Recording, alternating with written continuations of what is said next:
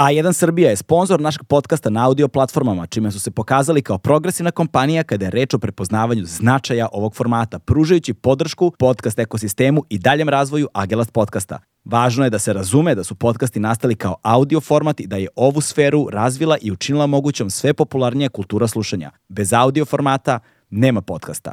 Prijatelj našeg podcasta na audio platformama je i domaći modni brand Legend Worldwide. Prepoznatljiv džins, udobna lifestyle odeća i neupitan kvalitet definisali su brand Legend Worldwide tokom skoro tri decenije uspešnog poslovanja. Be a legend, not a follower.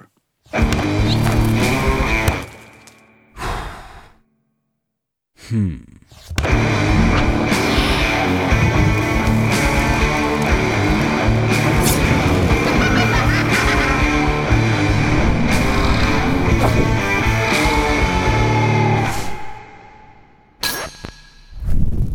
A epizoda koja sledi je veoma važna i jedna od najtežih, ako možda ne i najteža koju smo snimili do sada. Ali upravo zahvaljujući vama koji nas podržavate, vama koji nas pratite i našim partnerima koji su sponzori uh, ovakvog jednog projekta, dugovečnost, nezavisnost ovog podcasta i mogućnost da ovakve teme koje ne možete da vidite na tradicionalnim medijima i kojima ne možemo da posvetimo ovoliko pažnje koliko možemo na ovom mestu, postoje. Zahvaljujem, zato vam hvala puno svima na podršci i sledeća epizoda zaista, kao što sam malo pre rekao, jeste jedna od najtežih, ako ne i najteže koje smo uradili do sada i nadam se da ćete joj posvetiti punu pažnju i mislimo da je to tema koja zaista zaslužuje javni prostor i temu od javnog interesa. U pitanju je udruženje roditelja dece stradale u saobraćaju i ovde ćemo govoriti o brojnim aspektima problema u saobraćaju, tragedijama sa kojima se porodice suočavaju ili naravno hroničnim i akutnim problemima sistema koji ne poružaju nikakvu podršku, što psihološku, što pravnu na bilo koji način i kako zapravo svi ovi problemi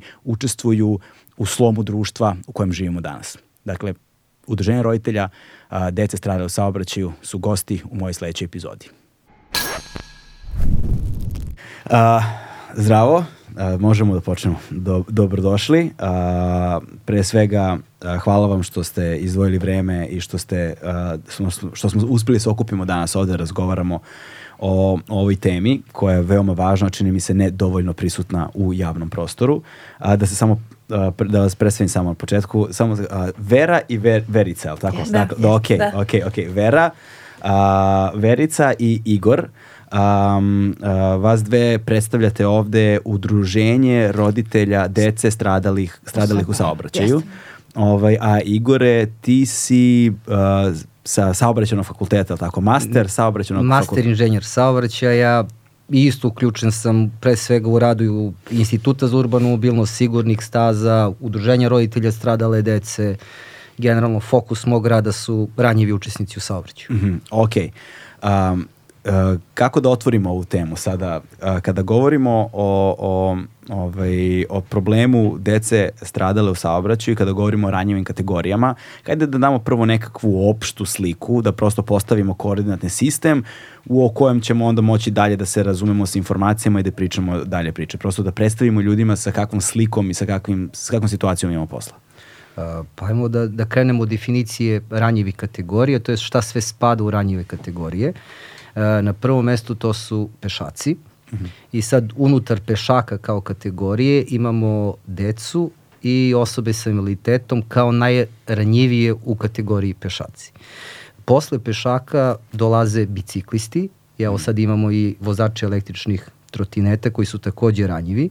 Takođe tu imamo starija lica i, na primjer, majke sa malom decom. Da li ih sad guraju kolicima ili onako drže za ruku. I mi kad pogledamo, to su nam najugroženije kategorije u saobraćaju. Zapravo 50% smrtno stradalih lica pripadaju ovim kategorijama i nekako najmanje pažnje se kako u, u, kod nas u saobraćenoj nauci, kako u implementaciji tih nekih rešenja na terenu tipu dizajnu ulice, upravo posvećuje ranjivim učesnicima u saobraćaju. I ovo koji problem ima udruženje roditelja stradale decu u saobraćaju je taj što se u njihovim privatnim slučajevima, ličnim sudbinama upravo vidi da je ceo sistem kreiran na strani motornog saobraćaja i da je to glavni razlog zašto nam oni stradaju. A kod nas nekako tak saobraćena politika je tako kreirana da se isključivo jedino zadovoljavaju potrebe motornog saobraćaja. Čisto onako red veličine kako to izgleda. Na primjer, u Srbiji na mesečnom nivou jedno dete nam smrtno strada, 110 bude povređeno. Igor je samo upadica kad kaže Igor dete, uh, to nije maloletno dete po granicama uh, do 18 godina, to je dete do 14 godina. Da. Aha, A svi preko 14 spadaju u mlade osobe. ok. okay. Da, Znači tako samo se- do 14 godina Da, jedno tako se gleda kao, od, ajde kažemo, od rođenja do 14. godine, to se definiše kao dete, a od 15 do 30 godina kao mlad učesnik u saobraćaju, to pričat ćemo i njima, ali eto samo ta razmera stradanja kako se to gleda, znači nama je na mesečnom nivou jedno dete smrtno strada, 110 pretrpi što teže, što lakše telesne povrede. I vi kad pogledate javni rizik, to je sad ono po čemu se mere zemlje između sebe, da li ostvaruju neke ciljeve. Kod nas javni rizik za stradanje dece iznosi okvirno od godine do godine 12, u Evropi to je 6,8, da kažemo Wow, to je mi duplo. smo duplo, što znači naša deca ovde imaju duplo veću verovatnoću, duplo veći rizik da stradaju u saobraćaju nego tipa dete u Finskoj, Švedskoj, Holandiji i tako dalje. to sada otvara sijaset zapravo tema. Treba opisati krug negde oko spektra problema, razumeti problematiku, jer verovatno u velikoj meri zavisi naravno od kulture ponašanja. Kultura ponašanja se a, reguliše na neki način. Ovaj, nisam stručan, ali meni prvo što pada na pamet jeste ono, do ranih 2000 godina niko živi nije vezivo pojas, sada svi vezuju pojas, zato što je uvedena ono, Represivna politika. mera Re- 2009. godine. Da, ono što kod nas uvek govore i na šta se trenutno obraća pažnja je kao da radimo prevenciju. Jer smo mi kao jedno fino društvo i preventivne mere će da ono daju rezultate. Ono što možemo da vidimo je da neće da daju rezultate, jer kod nas samo represivne mere daju neke rezultate. I ono što mi stvarno želimo da istaknemo, mi imamo dosta nekih organizacija sad koje iz raznih svojih interesa se fokusiraju na neke preventivne mere. Naravno da treba to da postoji, ali nismo toliko fino društvo gde će to mm, ono žargonski rečeno da upali i da, i da, i da radi. Tako da ono, represivne mere što u prekršajnom zakonu, što jače kazne u krivičnom zakonu, tek kad su se uvele kazne za vezivanje pojasa, tek su ljudi počeli da vezuju pojas. To je Nisu istina. sve osvestili zato što ih je neko posavetovao da je to sigurnije. Mm. Nego su se osvestili kada su shvatili da to poprilično može da utiče na, na njihov budžet i da su to ono bačene pare, pa kao ajde sad ipak ću da se vežem. Da, ništa ne košta da Ali vežeš pojas. upravo to. Slična je stvar bila, koliko se sećam, ako se dobro sećam, čini mi se da slična stvar bila i sa kacigama kada, su, kada je vožnja motora u pitanju. Da. Pa da kažemo po principu ono malo pre što si pomenuo da je, da je bitna kultura. I vi sad eh, kad jedan sistem želite, on sad pričamo za bezbednost saobraćaja, vi morate da, da poznajete narod koji ovde živi, koje su sad njegove navike, koji je to kulturni model, koja tu etika mora vlada i da u skladu sa tim formirate i kaznenu politiku te zemlje, ali da formirate i te preventivne mere. E sad, uh, kako tu idemo? Represivne mere, gde je to kontrola vezivanja pojasa, kontrola brzine, kontrola upotrebe alkohola, toko vožnje i tako dalje. Oni leče posledice nezgode. I te mere najbolje rezultate daju kad se nezgoda desi, ne do Bog, da leče posledice nezgode, da adekvatno sankcionišu počinioce tih prekršaja krivičnih dela, te kazne moraju da budu srazmerne tom delu, da bi imali tu vaspitnu ulogu da deluju na ostatak populacije, da više, ne znam, ne voze pod dejstvom alkohola. Dok set preventivnih mera a, sprečava uzrok same nezgode. Mm -hmm. Znači, cilj je da do nezgode ne dođe, a ako dođe, mora da imamo adekvatne represivne mere. E sad, šta je problem a, kod nas u Srbiji?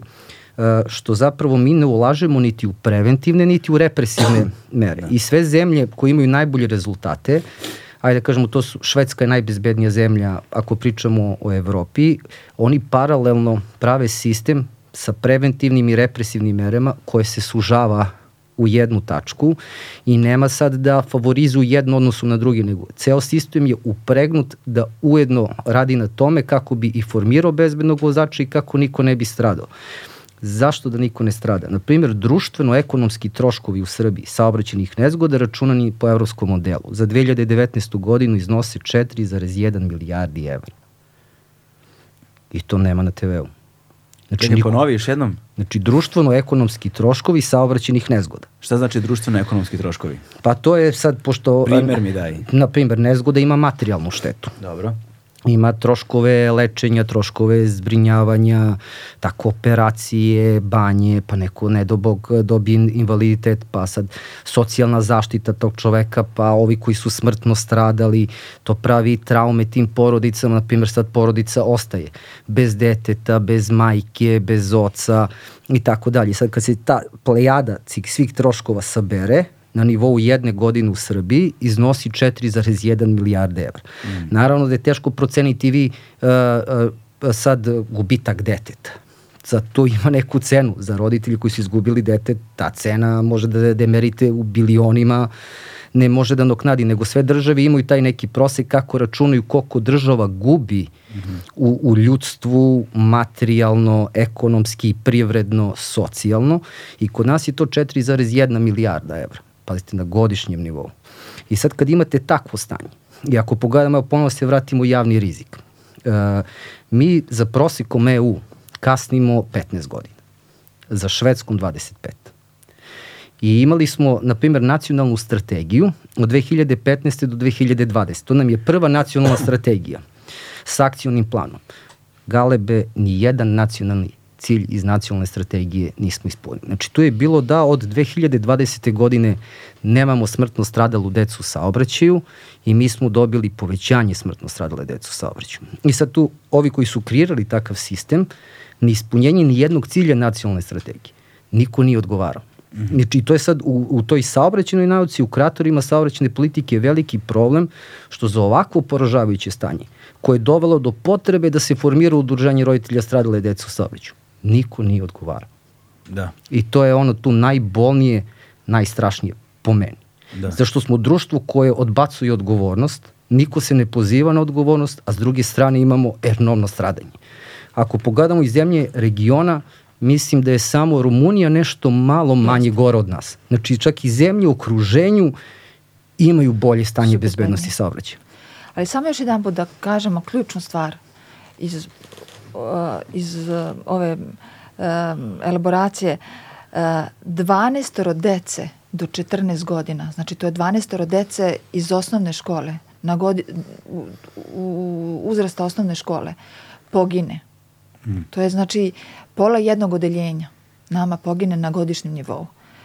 Još sigurno toliko ima teške telesne povrede da su toliko teške da su trajni invalidi, to su vigilne kome i tako dalje. A onda još 140 dece sa prelomima i sa povredama sa kojima je opet teško živeti i to je ogromna trauma. Da, trauma Ali, je velika stvar tu, da. Pazite, vigilna koma ili uh, bilo koji vid, uh, težak vid. Uh, Šta je vigilna koma? Vigilna koma je da vi samo možete da trepćete očima. Mm. Vi ste živi, možete da budete živi 20-30 godina, ne možete da se pomerate, ne možete da pričate, ali dišete, pluća vam rade, srce vam radi i niko ne zna u kakvom stanju, da li čujete, to je kao da, kao da ste živu osobu zarobili bez glasa, bez pomeranja. To je, ja bih rekla, jedna od najstrašnijih sudbina. Mm. Možda čak i strašnija smrtnog ishoda. Jer ne mogu ni zamisliti kako, kako Jasne, to izgleda. Da. Um, kada sad pomenuo malo udruženje, ovaj, pošto pretpostavljam da pored svih problema koje si naveo ovaj, Igore, a, postoji i onda sada posledično tome niz daljih problema. Dakle, a, u slučajevima kada se desi a, tragedija, da, kada se, o, kada se porodica suoči sa sistemom, na koji način taj sistem funkcioniše, to jest ne funkcioniše. Ovaj, a, na koji način se dobija ili ne dobija, postoji ili ne postoji nekakva podrška. To pretpostavljam da je takođe veliki problem. I onda poslično tome dalje, da sada, ovaj, da sada ne navodim, pa pretpostavljam da da, da su to sve neki problemi sa kojima ste se vi susretali, sa kojima se susrećete i dalje, da je jedan, to jedan od razloga zašto je oformljeno udruženje. Hoćete nam reći nešto više o udruženju, koliko vas je, kada ste se oformili, sa kojim problemima se suočavate i je, za početak to.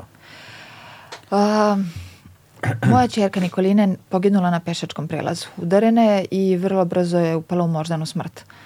Moždana smrt je uh, nešto što muž i ja, jako se smatramo koliko toliko obrazovanim, nismo informisanim, nismo znali šta je moždana smrt, iskreno. Ili ako smo učili, zaboravili smo.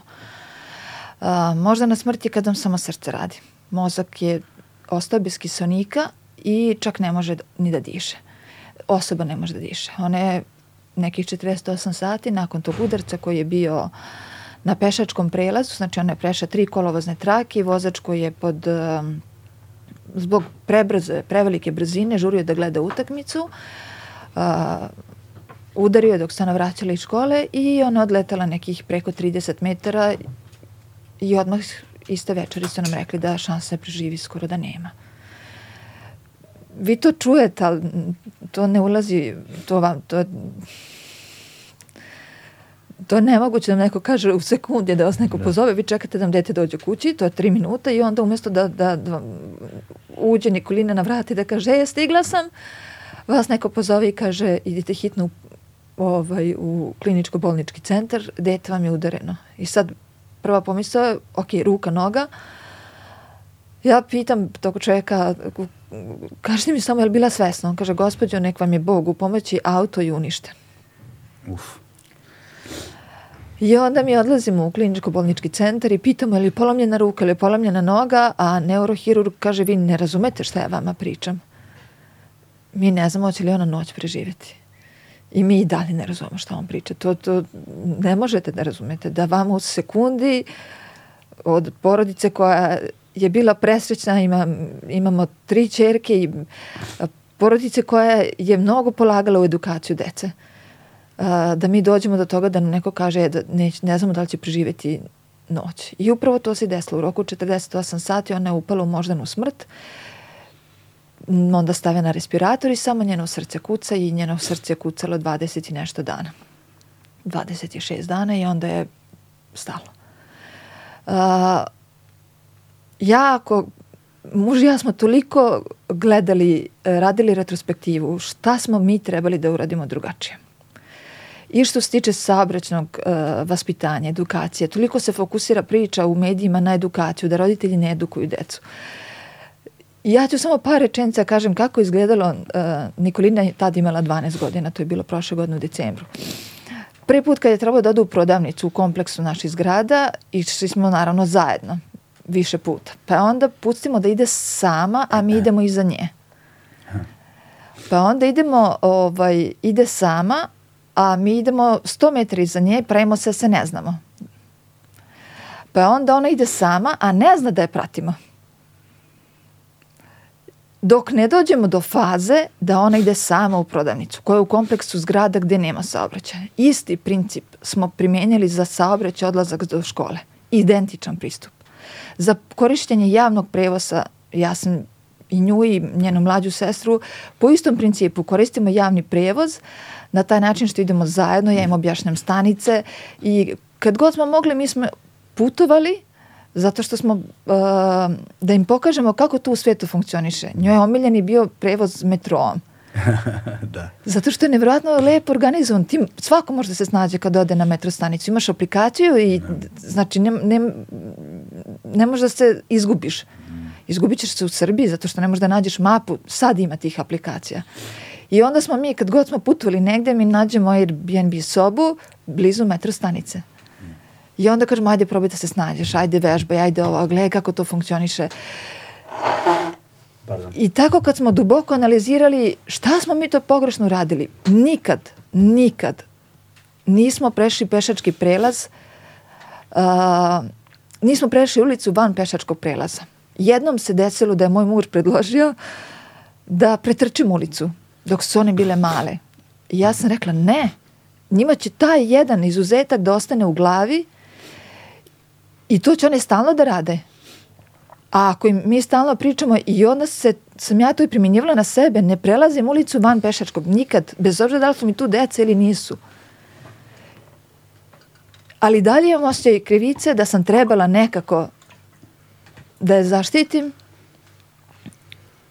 iako to iracionalna misao. Kako sam mogla da zaštitim ako neko prebrzo vozi na pešačkom prelazu i ne usporava nego ubrzava na pešačkom prelazu? Postoji snimak koji, gde se jasno vidi, nam je to bilo mnogo bitno da nam neko prepriča taj snimak i da kaže da je ona apsolutno sve radila kako smo je učili. I onda nam je za nijansu bilo lakše da znamo da nije njena krivica, što je tokom krivičnog postupka i dokazano. Mm -hmm. Ja verujem da jako puno roditelja sledi da se ponaša baš kao i mi.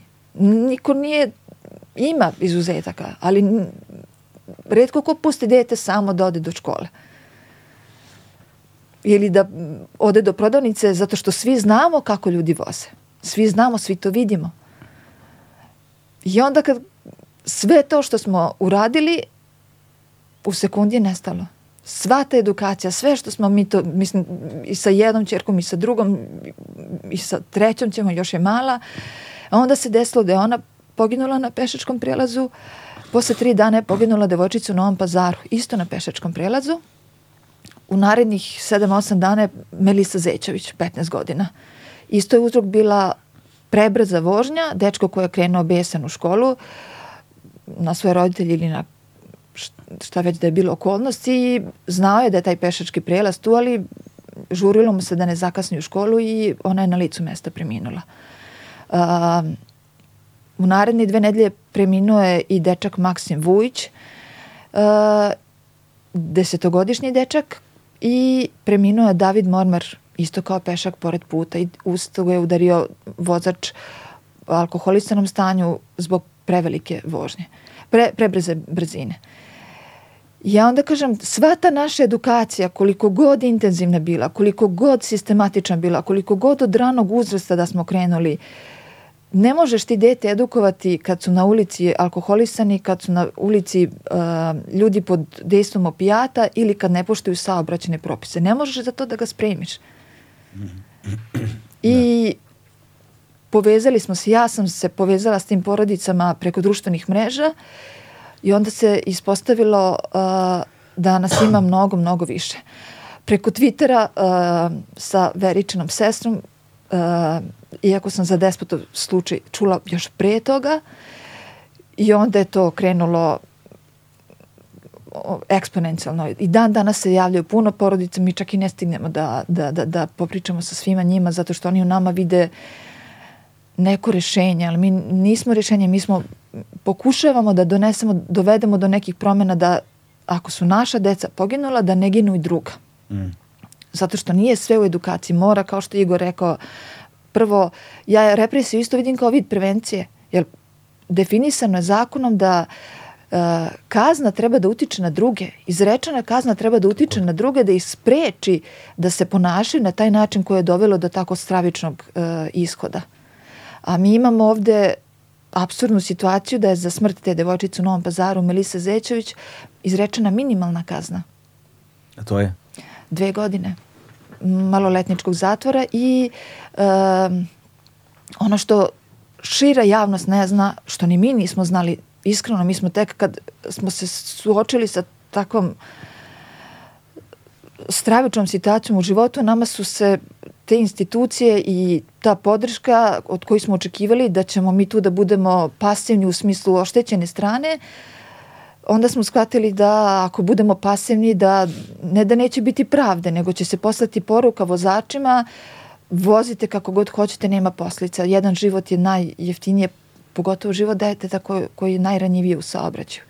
Uh, kazne su uh, minimalne obično izrečene i to nisu kazne kad kažemo dve godine, to nije dve, dve kalendarske pune godine. Ti ljudi budu u zatvoru do petka, a onda uh, izlaze na vikend, imaju godišnje odmore, budu u zatvorima otvorenog tipa, budu u svojoj garderobi i uh, uh, suština, neka neformalna suština koju pravnici e, svi pominju na, u medijima je da se oni resocijalizuju. Da je svrha te kazne resocijalizacija. Nije. Nije, žao mi, ali po zakonu nije. Ne bi bilo fair da se oni resocijalizuju, jer iz naših iskustva smo mi videli da se oni resocijalizuju istog sekunda. Znači, ne postoji ni osjećaj empatije, ni osjećaj krivice, to je nevjerojatno pravilo, to je taj nedostatak empatije na nivou, na nivou bilo koje tragedije, toga smo svi svesni i za kad pogledate SMS za bolesnu decu uh, koliko je to u prvo vreme bilo strašno, a sad ljudi samo scrolluju na takvu vest. Mm. A1 je prvi prijatelj audio izdanja Agelast podcasta.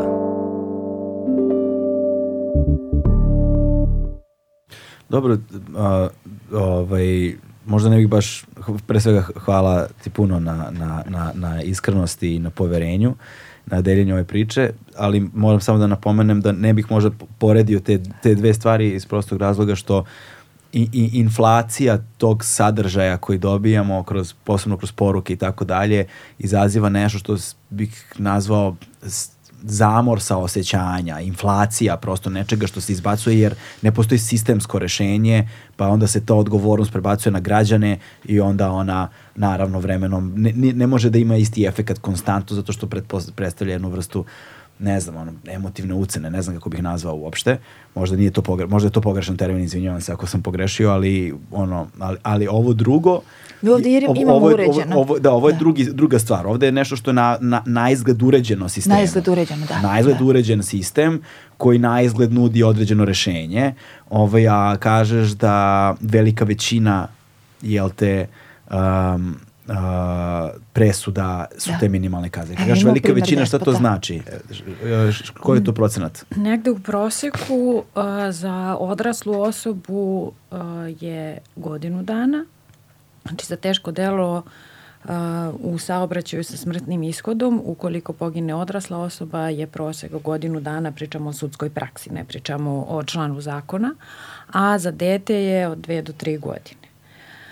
Um, U našem slučaju um, prvostepena presuda je bila četiri godine, uh, gde je nama tužilac rekao da je to jedna super kazna, tim rečima, kada smo otišli da pitamo da li, ćemo, da li će se oni žaliti, da se oni naravno neće žaliti.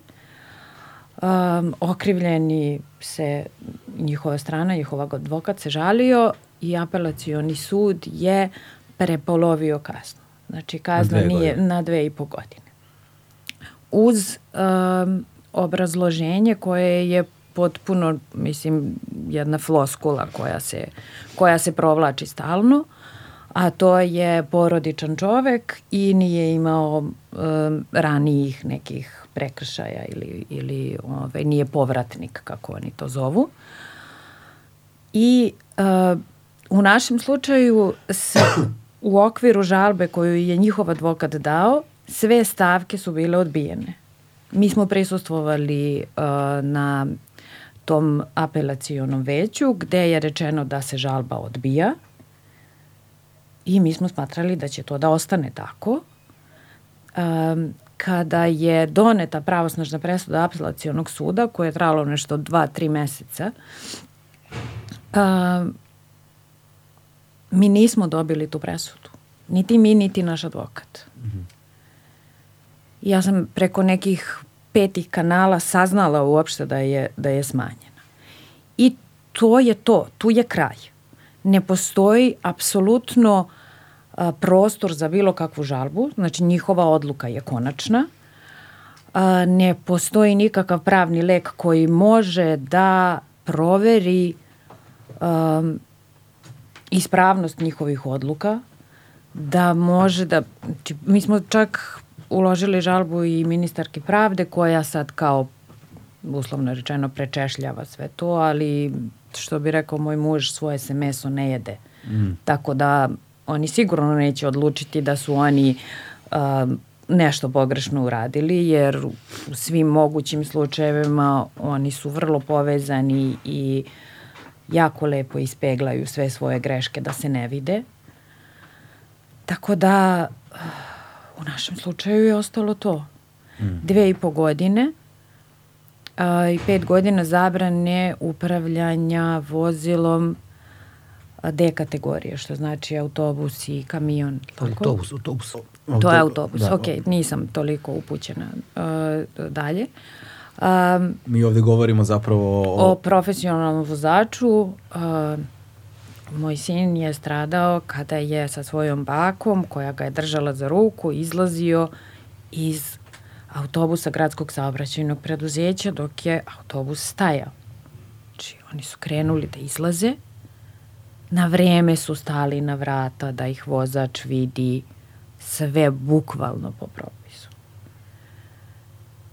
On je pokrenuo autobus pre nego što je zatvorio vrata, nije pogledao u retrovizor, nastavio je da vozi, despota su vrata uhvatila za nogicu, vukao ga je par metara i, i, i otišao. Otišao? Da. Ljudi su mahali sa stanice, on ni to nije video. Um, u njegovom iskazu je bilo da eto kada je obrnuo krug i vratio se, video je da se tu nešto desilo. To je sve. A, njemu nije um, u optužnici um, je samo za teško delo sa smrtnim ishodom nije bilo nepružanja pomoći. Jer je on otišao. I ono što je užasno u tim situacijama, to što je i Vera rekla da da ovaj, mi moramo da se angažujemo. Tužilac treba da bude neko ko zastupa interese oštećenih. Znači, ja ne moram da učim pravo u tom trenutku. Mi nismo um, ostavljeni da, da, da, da se nosimo sa tim, da, da odbolujemo svoje, jer moramo apsolutno odmah da se uključimo u slučaj, u e, da li postoje video snimci i kako je uređeno veštačenje, da li je lažirano veštačenje, da li je um, neko kompromitovan tu, uh, s obzirom da je ovo bila um, da je ovo um, gradsko saobraćajno preduzeće um, državna firma gde sad sigurno će neko da lažira nešto. Sad svim tim mi moramo da se bavimo, da angažujemo advokata. U našem slučaju promenila su se tri tužioca gde je jedan nama rekao, a ne znam ja o ovome ništa šta mene pitate. A sad ja očekujem da taj neko prikupi, prikupi sve dokaze, prikupi sve informacije i na suđenju bude najglasniji, da istražuje svaki detalj. Ja ne znam da li, ja kad pročitam veštačenje, ja ne znam da li je ono lažirano ili nije. Da li su neki podaci skriveni ili nisu. Kako je protumačeno. Na suđenjima se advokatima okrivljenih toliko prava daje – Jer po oni moraju, po, po zakonu. zakonu, moraju da ih puste da se brane. A s druge strane, ne postoji niko ko će sa nekim žarom da, da, da se bori u tom trenutku. Dete je stradalo na, na, na način na koji je... Ja nisam znala da treba toga da se bojim. Mm. Ja sam se bojala stvarno svega. Izmišljala sam situacije od kojih treba da ga zaštitim, gde su moji u porodici govorili, Verice, previše protokolišeš. Baš iz tog razloga, ja nisam znala stvarno da neko može da bude toliko bahat i neobazriv, jer je to njegova profesija. To je njegova dužnost. Mi smo našli pravilnik gradskog saobraćenog preduzeća gde tačno do tančina piše kako on treba da stane u stanicu, kako treba iz nje da krene. Gde je advokat okrivljenog rekao, ma kao to je apsolutno dokument koji nema ovde nikakvog značaja. Mi smo zato tražili da se pooštre kazne i da se pooštri kontrola za profesionalne vozače, jer neko mora njih da kontroliše. Niko iz toga od njih nije naučio ništa. I dalje smo svedoci da oni voze i pričaju na telefon i to je ne javio sam se zato što je nešto hitno pa sam iskoristio sekund kada autobus stoji na stanici pa ću da kao napravim pauzu tri sekunde i da nešto neko, možda je hitno nešto bilo, razumem sve to, ali to su priče po deset minuta prepričavanje, to je nepotrebno. I zabranjeno je, mislim, zakonom je zabranjeno u krajnjem slučaju. Kreću sa otvorenim vratima i dalje, bahate se, takmiče se ko će, ko će ljudima da zatvori vrata pred nosom. To ne sme da, mislim, to su ljudi koji su zaposleni, svako od nas ima pravilnik ponašanja, obaveze koje mu piše u ugovoru o radu, mislim, to su vrlo jasne stvari, čiste, nema tu šta da se zaobiđe ili da se nađe neka rupa. Vrlo je jasno kako neko treba da se ponaša. Mislim, nikle, nije nuklearna fizika. U krajnjem slučaju, ako je neko nezadovoljan svojim poslom, može da da otkaz slobodno. Ja ga pozivam da da otkaz, da ne ubije ljude, da, da ne maltretira ljude. Ali te pojedinačne odgovornosti nema i to smo mi kroz naše udruženje shvatili da ti ljudi koji počine po zakonu teško krivično delo protiv bezbednosti u saobraćaju, čak i kad je u smrtni ishod uh, ima za posljedicu smrt deteta, neverovatno je monstruoznost tih ljudi. Ja, mo, ja ne mogu da, da, da koristim drugu reč. Prvo smo mislili da smo mi izuzetak, a onda kad je nas 50-60 ukrstilo priče, vi onda čujete kratko ću, ali mislim da je bitno da, da ljudi čuju da, da ne možemo da, da utičemo na svest vozača nekim uh, spotovima medijskim, da to na njih ne deluje. Ako na njih nije delovalo ni u trenutku uh, nezgode, ako na njih ne deluje telo deteta, oni ne priđu deci prvo ne znaju da li su žive. Ne priđu, ne pozovu miliciju, ne pozovu hitnu pomoć. E, konkretno Nikolinin ubica je gledao oštećenje svog auta, jurio svoje tablice po putu, nije hteo ni da je pogleda. I to je nama bilo stravično. Nama je to bilo mi 12 godina brinemo o tom detetu, da li je moguće da neko nije hteo da i priđe. Š, kako možda ne priđeš? Pa udariš, ne znam, psa, mačku, pa pa ti nije dobro. Neko, nekom naleti ptica na, na, na auto pa ne osjeća se prijatno. Mm. A onda se ispostavi da je to neverovatno, ali da je to obrazac ponašanja. Imamo dečka Pavla Stankovića koji je stradao pre nekoliko godina na pešačkom prelazu. Čovek koji ga je udario je ostao da sedi u svom vozilu, pošto je bio u alkoholisanom stanju i jeo je picu koju je prije toga kupio kako bi smanjio količinu alkohola. Nije izašao da vidi da li je Pavle živ da pozove hitnu pomoć zato što su u tim trenucima minuti mnogo bitni. Četiri minute dovoljno da mozak nema kisonik i to je ne, posle toga nema pomoći. Posle ide možda na smrt. To se desilo i naša Nikolini i većini slučaja se desi. E, Nađa Tasić, devojčica iz Lebana, čovjek je udario e, dok se vraćali iz škole. A škola je pored kuće. Ja koje su šanse da na tih 30-50 metara, to je selski put, nema, kao što Igor kaže, to je infrastruktura, uh, nema infrastrukture za decu. Znači, nema pešačke staze. Ona se šetala, šetala, ona se vraćala kroz travu. Inače, deca idu kroz travu. I on je nju udario van kolovoza. Nije čak bila ni na kolovozu. On je nju udario van kolovoza.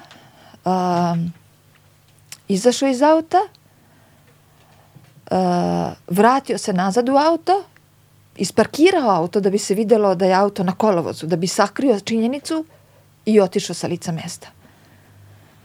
Da nije bio dan, da nisu bile komšije, da, ali opet su, dok je došla hitna pomoć, to je selo, dok je došla hitna pomoć, opet je nastupila možda na smrt. Uh, imamo primjer i ove devojčice iz Novog pazara, Melisa Zećević, meni je taj primjer mi je jeziv, ali nešto slično imamo i kod naše Nikoline. Udario je dečko, bio je maloletnik, 18 godina nepunih, međutim šta, je činjen, šta se još desilo? Ona je na licu mesta ostala mrtva. Iz suprotne strane udario kombi. Čovjek je izašao. video je devojčicu koja se ne pomera. Devojčica je 15 godina. Vratio se nazad u kombi. I po celom pazaru razvezao hleb i krenuo da pere auto. Da pere kombi. Samo da je ostao na licu mesta. On nije kriv. Ona je, nažalost, već utvrđeno je bilo da je fatalni bio prvi udarac. Nije mogao da izbegne onaj s- u suprotnu stranu. Neverovatno je odnosno pokazatelj kakvi, kakvi smo mi ljudi, to su i roditelji i ljudi koji nisu roditelji, to apsolutno nema pravila. To je prošlo desetina automobila pored devojčice koja leže na putu. Krvave devojčice. I niko nije stao. Niko nije stao. Znate ko je našao? Roditelji devojčice koje svakog dana voze u školu, shvatili su da se ona nije pojavila na određenom mestu i krenuli su da je traže. Da li je moguće da smo toliko postali bez empatije, bez saosećanja, da vi vidite da ležite u telo devojčici i da prođete, da ne biste bili svedoci ili da ne, ne znam, ne znam šta je, Da. šta je motiv. Ne, ne znam, ne, ne mogu da, prosto nemam ni dovoljno znanja, kompetencije nikako da kom, komentarišem ovaj, tak, takve tragične st- stvari.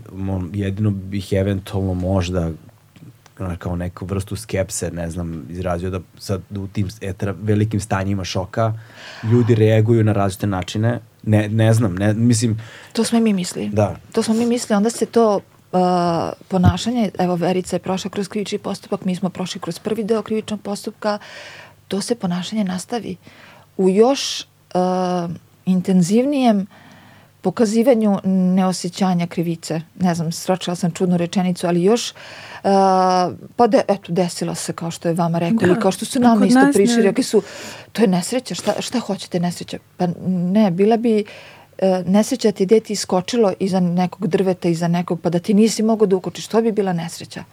Ali na pešačkom prelazu ne možeš da ne očekuješ dete, ne možeš da ne očekuješ osobu. Pešački prelaz je jedino mesto gde oni mogu da pređu ulicu. I što je najgore od svega, to su ugl- uglavnom ljudi koji žive na 200-300 metara od porodica čiju decu ubiju, znači znaju i za pešačke prelaze, znaju blizinu škole, sve, svesni su svega. a vrlo verovatno ne poznaju tu decu. Da, vrlo, i poznaju tu decu, žive blizu njih i na sudu ne pokazuju osjećaj krivice, baš obrnuto. Sav fokus je da dokažu da nisu krivi i onda ih i sud nekako nagradi sa tim minimalnim kaznama tako da se mi osjećamo i poniženo i poraženo. Jedan deo koji smo preskočili, da, to je isto meni bilo nevratno kad smo muž i ja pokušali da nađemo advokata koji će da nas zastupa uh, u tom krivičnom postupku. Mm, prvo pitanje je bilo ili imate još dece? I kažemo da imamo još dve čerke. Idite Advo- lepo. advokat vas je to Advokat nas pita. Nekoliko njih. Idite lepo kući, vodite računa o njima, vi njima dugujete da imaju srećno detinstvo, šta je bilo, bilo je. Znate, to kada neko kaže par dana ili mesec dana nakon što ste vi sahranili dete od 12 godina, pa nisam ga kupila u prodavnici. Da. Ja to uvek govorim. Kad, kad se, se vade na to uh, porodičan čovek, ja kažem, odakle moje dete? Dakle, moje dete, zašto se ako se uzima kao olakšavajuća okolnost um, da je neko porodičan čovek? Zašto se ne uzme kao otežavajuća okolnost da je dete isto iz porodice? Ja njega nisam kupila u prodavnici igračaka. Nisam ga kupila kao bebu lutku. Ja sam ga rodila, ja sam ga nosila. Znači, to su neke stvari koje, mislim, kad si pokrenuo, kad smo počeli da pričamo o udruženju, zašto, zašto se nas dve i toliko o, i toliko trudimo. Et, sva ta energija koju smo ulagali u našu porodicu. Ja ne volim da me neko sažaljivo pogleda. Stvarno ne volim. Možda će ovo čudno da zvuči. Može da mi neko pokaže empatiju ili da saoseća sa mnom. Ja sam, meni ovo stvara užasan bes jer sam ja bila toliko ponosna na moju porodicu, na sve ono što sam uložila. Nekako je simptomatično kada pričamo o našoj deci da se sve neke stvari ponavljaju, da su to deca koja su nekako bila mirna, koja su tri stvari koje je moj despot obožavao su bili voda, životinje i muzika. I ja sam gajila to kod njega, ja sam toliko bila posebna to, na to što je on drugačiji od, od, od, i što imate neka drugačije od interesovanja i, i štitila ga od svega, ono, od početka kad smo krenuli da se šetamo, učila sam ga crveno stani, zeleno kreni, da on zna da su te dve sad boje nešto što, što njemu određuju kretanje u saobraćaju. Ne znam, od, od autosedišta, da je sam stvorio sebi naviku da on ulazi u auto, seda u svoje sedište i kaže mama veži me. To se uči, to, to, se, to, su, to, to su primjeri iz porodice Zašto se onda kao otežavajuća okolnost ne uzme da je to isto porodica, da je uništena jedna porodica, da je ubijeno dete i ja ne mogu da kao, aha, ok, to je sudbina i sad kao ja sad treba nešto drugo. Da, ja, to, ja stvarno to ne mogu i mislim da ne može niko, samo što smo nas dve glasne i lajave, ne znam, pa, pa imamo potrebu da, da nešto uradimo, imamo potrebu da, da u, u njihovo ime ili, ili da bi to možda negde produžilo priču o njima, produžilo život njihov na neki drugačiji način, da mi nestajemo da pričamo o njima. Zato što može svakom da se desi. Da.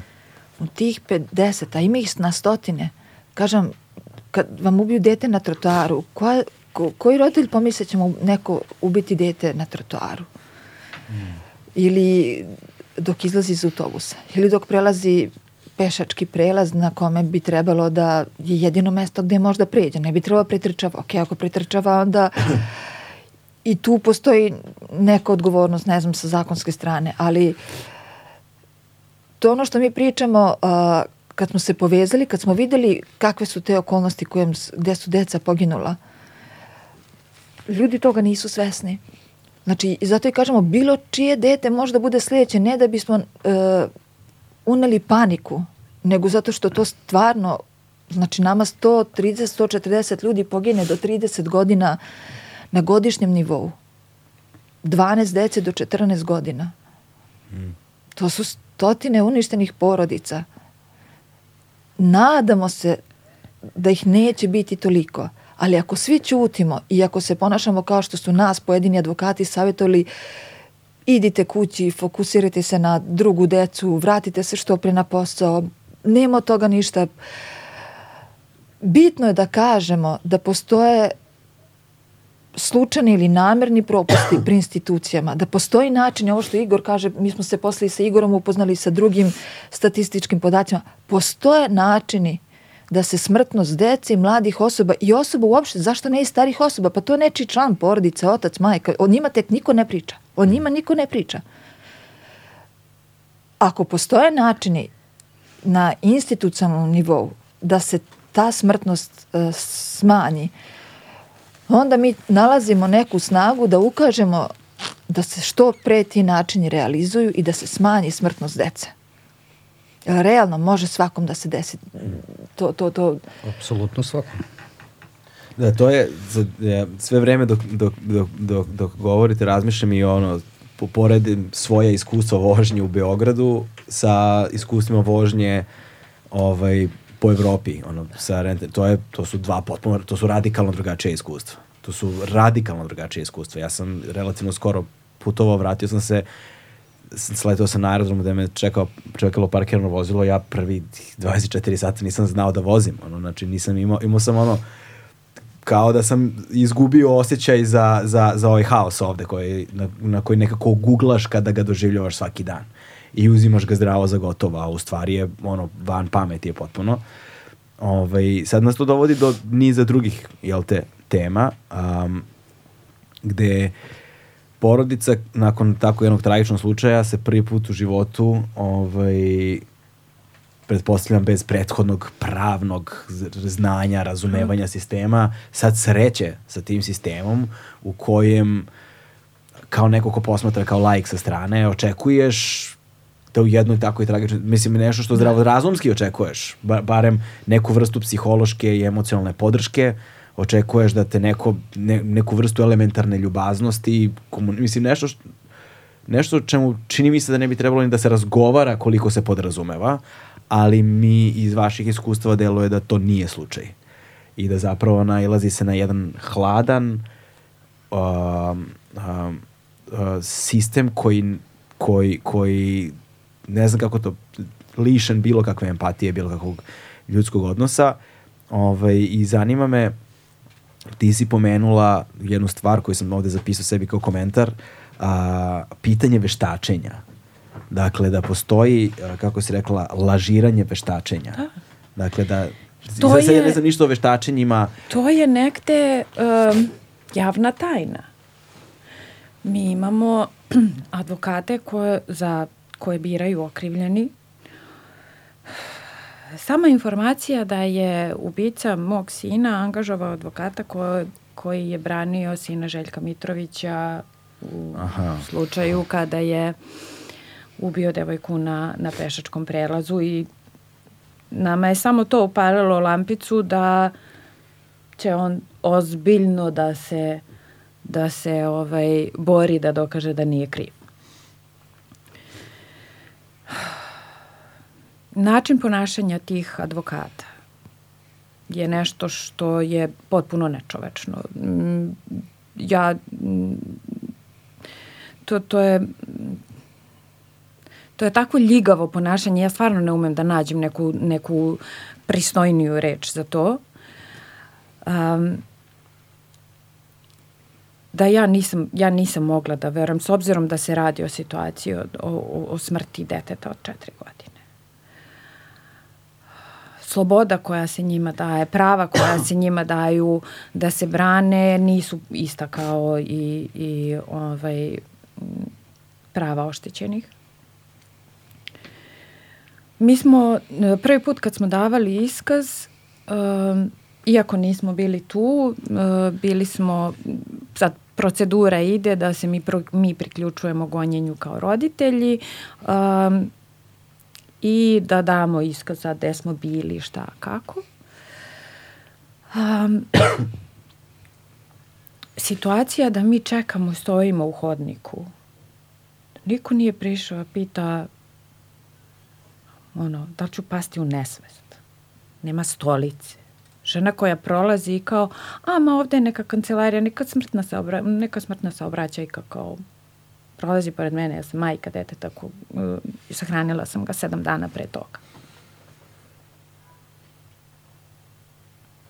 Mi smo bili u potpunom šoku i onda smo shvatili da mi treba ozbiljno da zasučemo u rukave.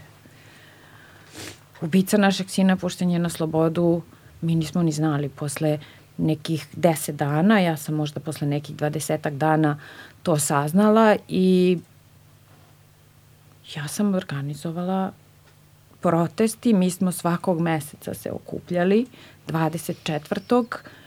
jer je 24. novembara despot stradao 2020. Mi smo se narednih godinu dana svakog 24. meseca okupljali, pravili proteste, ne bili podigli svest, ne bili ukazali, ne bili se to jače negde čulo da dopre i do, i do sudija koji treba o tome da, da donesu odluku, da dopre do ljudi, da ne dozvolimo da se dese određene malverzacije.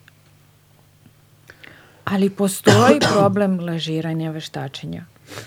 I mi smo negde tek kasnije uh, su nam ukazali da uh, analiziramo određene slučajeve i da vidimo da se po šablonu pojavljuju isti advokati, isti veštaci, iste sudije, da li sad u osnovnim ili višim sudovima ili najgora stvar, ali obično u apelacionim sudovima. Da to je nekako kao ono sve to trojstvo. I da oni rade u krug. Sad ću ja tebi da učinim, pa ćeš ti posle meni. Da li tu postoji cenovnik? Opet kažem, javna tajna je da postoji to je tako. I gde god smo i sa kim god razgovarali i od čelnih ljudi u institucijama, svi smo svesni da to postoji. I to je to.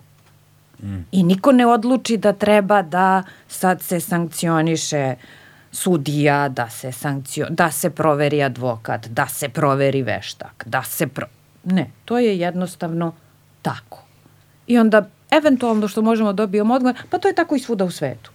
Mislim, iskreno, ti kažem, to tako ne treba bude ni kod nas, a ne znam, ni ne interesuje me kako je u svetu trenutno, daj kao, ako znamo da postoji, daj da sankcionišemo, daj da da kaznimo te ljude, daj da ih sklonimo sa tih mesta da mogu to da urade.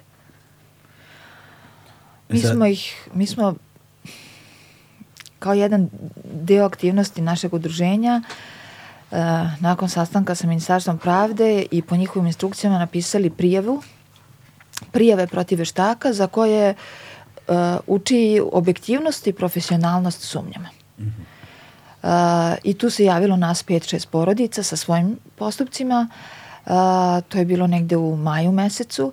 Prvo što je određeno da su uh, poslati dopisi veštacima da su se oštećene porodice žale na njihov rad. Uh, drugo što je poslato sudovima da su se porodice žale na rad veštaka i da se sud izjasni I onda meni kao zastupniku udruženja na uh, adresu udruženja, moju privatnu adresu, pošto nemamo prostorije, mi smo samo grupa volontera, uh, stiglo uh, iz svakog suda pojedinačno zašto to nije po zakonu. To oni sad navode neke krivične. Ja kažem, ljudi, pa meni je Ministarstvo pravde reklo da njima predam prijavu i da će oni odraditi istragu protiv tih veštaka, da se proveri njihova objektivnost i profesionalnost. A onda nam se desilo još nešto gore. Uh, da kad su ti veštaci, što je možda trebalo da bude očekivano, ali mi ne možemo toliko da budemo racionalni i da strateški razmišljamo par koraka unapred. To je nemoguće za nas roditelje. Zavisi od osobe do osobe, ali većina nas ne može. Mm -hmm. Desilo se uh, da je tim veštacima, da li je proradila sujeta ili ne znam šta, da onda kad su oni došli, pošto oni moraju svoj nalaz i mišljenje da odbrane na sudu, da, da su bili besni. Da su rekli, ova porodica je podnela prijavu protiv mene, ja osjećam to kao pritisak i onda je krenulo uh, ne znam, za dečka koji je stradao na motoru, da veštak kaže da je vozio kubikažu koja nije bila dozvoljena, pa onda mora tata ubije stradalog mladića, da kaže, ali nije, pa pročitajte u sva vašem veštačenju koja, ako bi kažem, motora bila, pa da je imao dozvolu za to. Aha, dobro, pogrešio sam. I onda ili se desilo kod nas u slučaju gde smo se mi žali na brzinu koju je procenio veštak, da, da mislimo da nije dobro procenjena. I veštak je pisanim putem odgovorio, da, pogrešio sam, brzina je još manja. Aha. To je onaj srpski inat. To ne znam ne, da li To se, na primjer, desilo uh, kod nas, um, to što meni nije jasno um, kakvi smo ljudi. Uh, vozač koji je, koji je ubio despota radi u GSP-u i sad vi smatrate tako velika kompanija da je negde svest ostalih vozača normalna i koja sa profesionalne strane treba sad da se ograde od tog čoveka, mm -hmm. jer on nije uradio sve po, po propisu i da kažu ne, ne može svakome da se desi jer mi vodimo računa o tome što radimo. Mi vodimo računa kako, kako vozimo ljude, kako stajemo, kako, šta god. Ne, Mi smo imali potpuno suprotno. Oni su skupljali novac za njegovu odbranu. Uh, jedan je snimao video gde se smejao smrti mog sina i koje kakve laži su pričali a, da se to uopšte nije desilo, da despot i baka nisu bili uopšte u autobusu, iako postoji video snimak, da, mislim, iako je to sve istina. Mm. I sad ta percepcija, ja ne mogu to da razumem, da umesto da se ti ogradiš i da kažeš da, taj neko nije uradio kako treba, loš je čovek, ne ponaša se, ne predstavlja našu profesiju kako treba, ti ideš u drugu krajnost da štitiš zlo i da mu daješ na većem značaju. Mm. I to je problem ono današnjice što, što se zlo i, i zli ljudi jače se čuju. Ali Igor, Igor će da potvrdi ono što je nas dodatno uznamirilo, što saobraćena struka to isto radi. Ima ogromnu empatiju prema ubicama, ja ih kažem ubicama iako bi oni su počiniti teške krivični dela u saobraćaju uh, i to ljudi koji se godinama bave bezbednošću saobraćaju, koji ne rade svoj posao kako treba, da. kao što Igor rekao, ni preventivno, ni korektivno, oni imaju empatiju prema porodicama ubica i mi sad treba da kazne budu što manje, ovaj, da pešaci su krivi za svoju smrt, ali nemojte ih kazniti tako što, će da ih, tako što ćete da ih ubijete. To kaže čovjek koji se bavi koji prede na saobraćnom fakultetu i koji 45 godina piše zakone uh, Jugoslavije, Srbije i ne znam, ispravi me Igore, 30 pa, godina. Preko 30 preko 30 godina. godina. Da. Mene to vređa kao građanina ove zemlje, kao roditelja. Kako možda kažeš izjavu da su pešaci krivi, ali nemojte ih kazniti tako što ćete da ih ubijete. I ti to kažeš na svim nacionalnim televizijama, u svim medijima. Čekaj, ti... javno to se, kao da, na taj način javno govori. Da, na to je narativ. To je, evo, Igor će više da priča o tom narativu saobraćen struke koji našu gubitak dodatno umanjuje, normalizuje da. i baš obrnuto prebacu krivicu na nas. E, pre nego što, izvini Igore, molim te, samo još malo sačekaj, jedna stvar me takođe zanima. Um, iz ono iskustva ličnog, jel te, u radu sa uglavnom a, institucijama koje se bave socijalnom zaštitom, pričali smo o tome ranije, Ova, jedna stvar na koju sam, sam naletao, za koju znam da ste i vi naletili na nju, jeste a, sporost i tromost sistema u informisanju, obaveštavanju, javljanju, a, rešavanju, sprovođenju i tako dalje, sad da ne nabrajam. Ovaj, ali s druge strane, to sam video na vašem YouTube kanalu, postoji um, uh, izuzetna efikasnost Jeste. izuzetna efikasnost kada u pitanju trgovina i prodaja uh, ličnih poverljivih lič, podataka. Ličnih i poverljivih podataka. Hoćete mi objasniti, Vero, hoćete mi objasniti molim to čemu se radi? To je uh, isto javna tajna od koje svi znaju. Uh, mi smo postali svesni kad nam se desila uh, gubitak naše dece, da nas niko iz saobraćanja policije, da nas niko iz bolnice nije kontaktirao. Kažem, meni su javili ljudi koji su bili na licu mesta. I mi smo naše podatke ostavili saobraćajnoj policiji i u bolnici. Kad kažem naše podatke, naše broje telefona i adresu na kojoj živimo, to u tom trenutku nije bila adresa ulične karti i ispostavilo se identično kao kod Verice, da smo da. mi par meseci pre toga promenili mesto prebivališta, ali nismo zvanično promenili. Da, niste prijavili još Nismo uvek. prijavili još uvek. Uh, I u roku od 48 sati je pravilo bez izuzetka sve porodice gde su uh, smrtno stradale deca, osobe ili su teško povređene, dobiju kovertu na adresu na koji realno žive. žive. Znači da je neko, ja sad zaista ne znam ko u čitavom tom lancu ko je imao pristup svemu tome, ali da je neko sistematski, organizovano, bez, uh, bez izuzetka, to znači to ozbiljna organizacija, bez izuzetka obavestio nekoliko agencija koje nam nude uh, posredništvo kako bi naplatili uh, proviziju od osiguravajućih kuća. To su uslovno rečeno i realno, to su velike pare.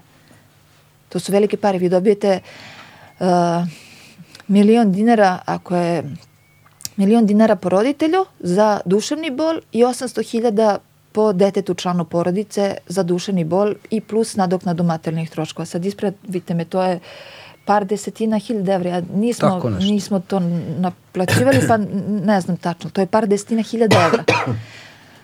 I sad agencija nudi da ona napiše neki dopis ili oni to imaju, oni su organizovani da oni to u par, ja mislim, sat vremena dva pošalju osiguravajući kući, vjerojatno su i sa njima u nekom dilu i uzmu vam 10 ili 20 posto, što znači da zarade 2-3 hiljade evra. Uh, po slučaju, u tom slučaju. Da, da. Za nekih, ja verujem da je to par sati posla. Mm. Jer to je samo neki papir koji se popiše i onda se potraži novac i novac vam bude isplaćen u roku od 14 dana. I ta efikasnost da nas, recimo, mog supruga i mene nisu uspeli da nađu na adresi da damo izjavu tužiocu. Prvo što treba se radi u tom predistražnom podstupku je da vas pronađu. Kažu, pa nismo mogli da vas nađemo zato što su nas uživo tražili na toj adresi, ali nas je ovo osiguravajuća agencija za e, naplatu provizije našla na adresi na kojoj smo realno živeli. Da, to, to s jedne strane sad da ne ulazimo u, u problematiku na više nivoa toga, ono što najviše oslikava negde jeste da efikasnost može da se postigne. Može. Znači, da, znači, znači, kanal taj može da funkcioniš. Da. To je ono što ja uvek govorim. Um, mi smo sad pokrenuli i, i ovu priču oko psihološke podrške, jer ne postoji ni jedna organizacija, ni jedna institucija, znači ne postoji sistemska psihološka podrška za žrtve, za porodice žrtava e, nakon što se to, to desi. Nama su u Tiršovoj rekli, sad možete da idete kući. Mi smo ovako stali kao, ja sam molila tu da ostanem, da mi otvore vrata, da ostanem, to je moje dete, ja moram da budem s njim, nije meni su oni, ja sam bukvalno klečala, ja sam lupala na vrata, znači to su bile strašne stvari, da oni svi stoje sa strane i kao, ne, protokol je takav, ne možemo, mm. ne znam, načelnik spava, ne možemo da ga pozovemo, ili tako, tako neka, ono, katastrofalna objašnjenja. A isti ti ljudi, jer svi ti podaci dolaze ili iz policije ili iz zdravstvenih ustanova, znači iz bolnice gde je proglašena smrt.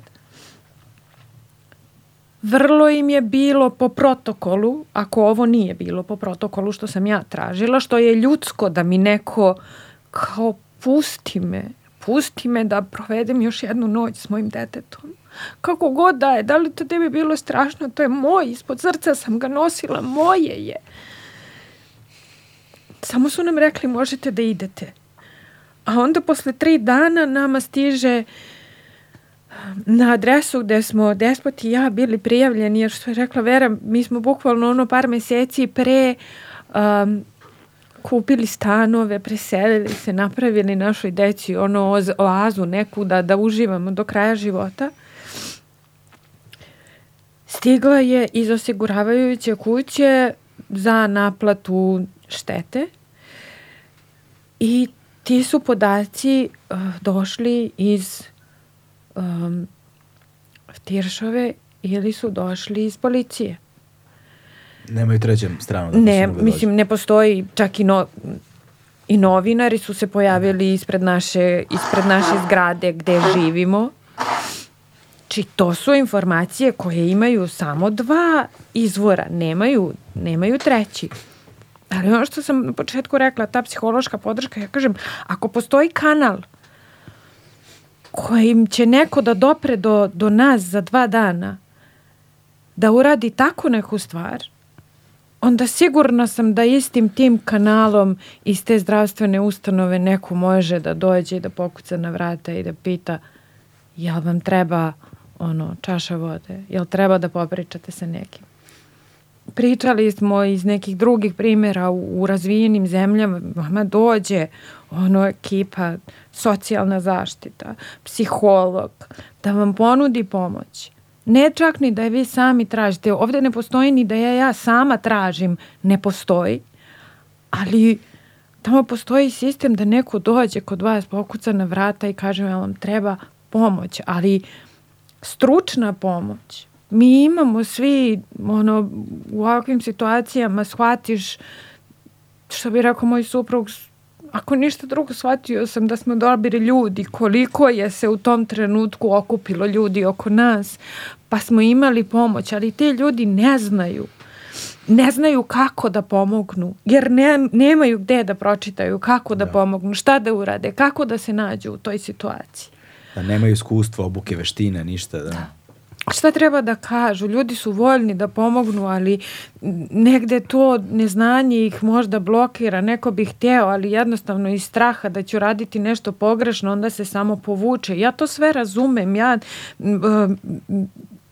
razumem i, i, i, i kad neko kaže nešto pogrešno, ja razumem jer je hteo da, da, da hteo je da pomogne, hteo je da kaže nešto, hteo je da nešto učini, ali ne zna kako. Mislim, mi u, u, u ja sam kroz svoje ono potrebu da negde nešto pročitam, da negde nešto nađem. Sigurno je neko negde obradio celu tu temu. Kako da se ja sad ponašam? Jer sve to što, što smo radili vam se u tom momentu sruši. Sve što sam mislila da sam uradila ikada u životu ispravno, ja sam posumnjala u to. Zato što sam štitila svoje dete i radila sam sve ispravno i cela moja porodica, nama je despot jedinac u cijeloj porodici i sa moje i sa suprugove strane, on je bukvalno odrastao kao princ i ja sam uvijek govorila, mi smo ono u, u službi njegovog kraljevskog visočanstva i to sam stvarno mislila i mi smo tako živeli i onda kao ti sve to ono neko ti izvuče to tlo i ti više ne znaš šta ujutro treba da uradiš, da li treba se umiješ, da li treba da opereš zube, da li treba da ustaneš, da li ne treba da ustaneš. Ne, ne postoji ništa što će neko da, da ti kaže kako, šta, pogotovo ti sudski postupci, mislim, neophodno je da budeš skoncentrisan, da razumeš i dobro i zlo u svemu tome, da razumeš dobro u smislu neko ko ti misli dobro i neko ko ti misli zlo, ko pokušava na dodatno da, da oteža, da napravi još to teže nego što je, je ikako moguće da bude.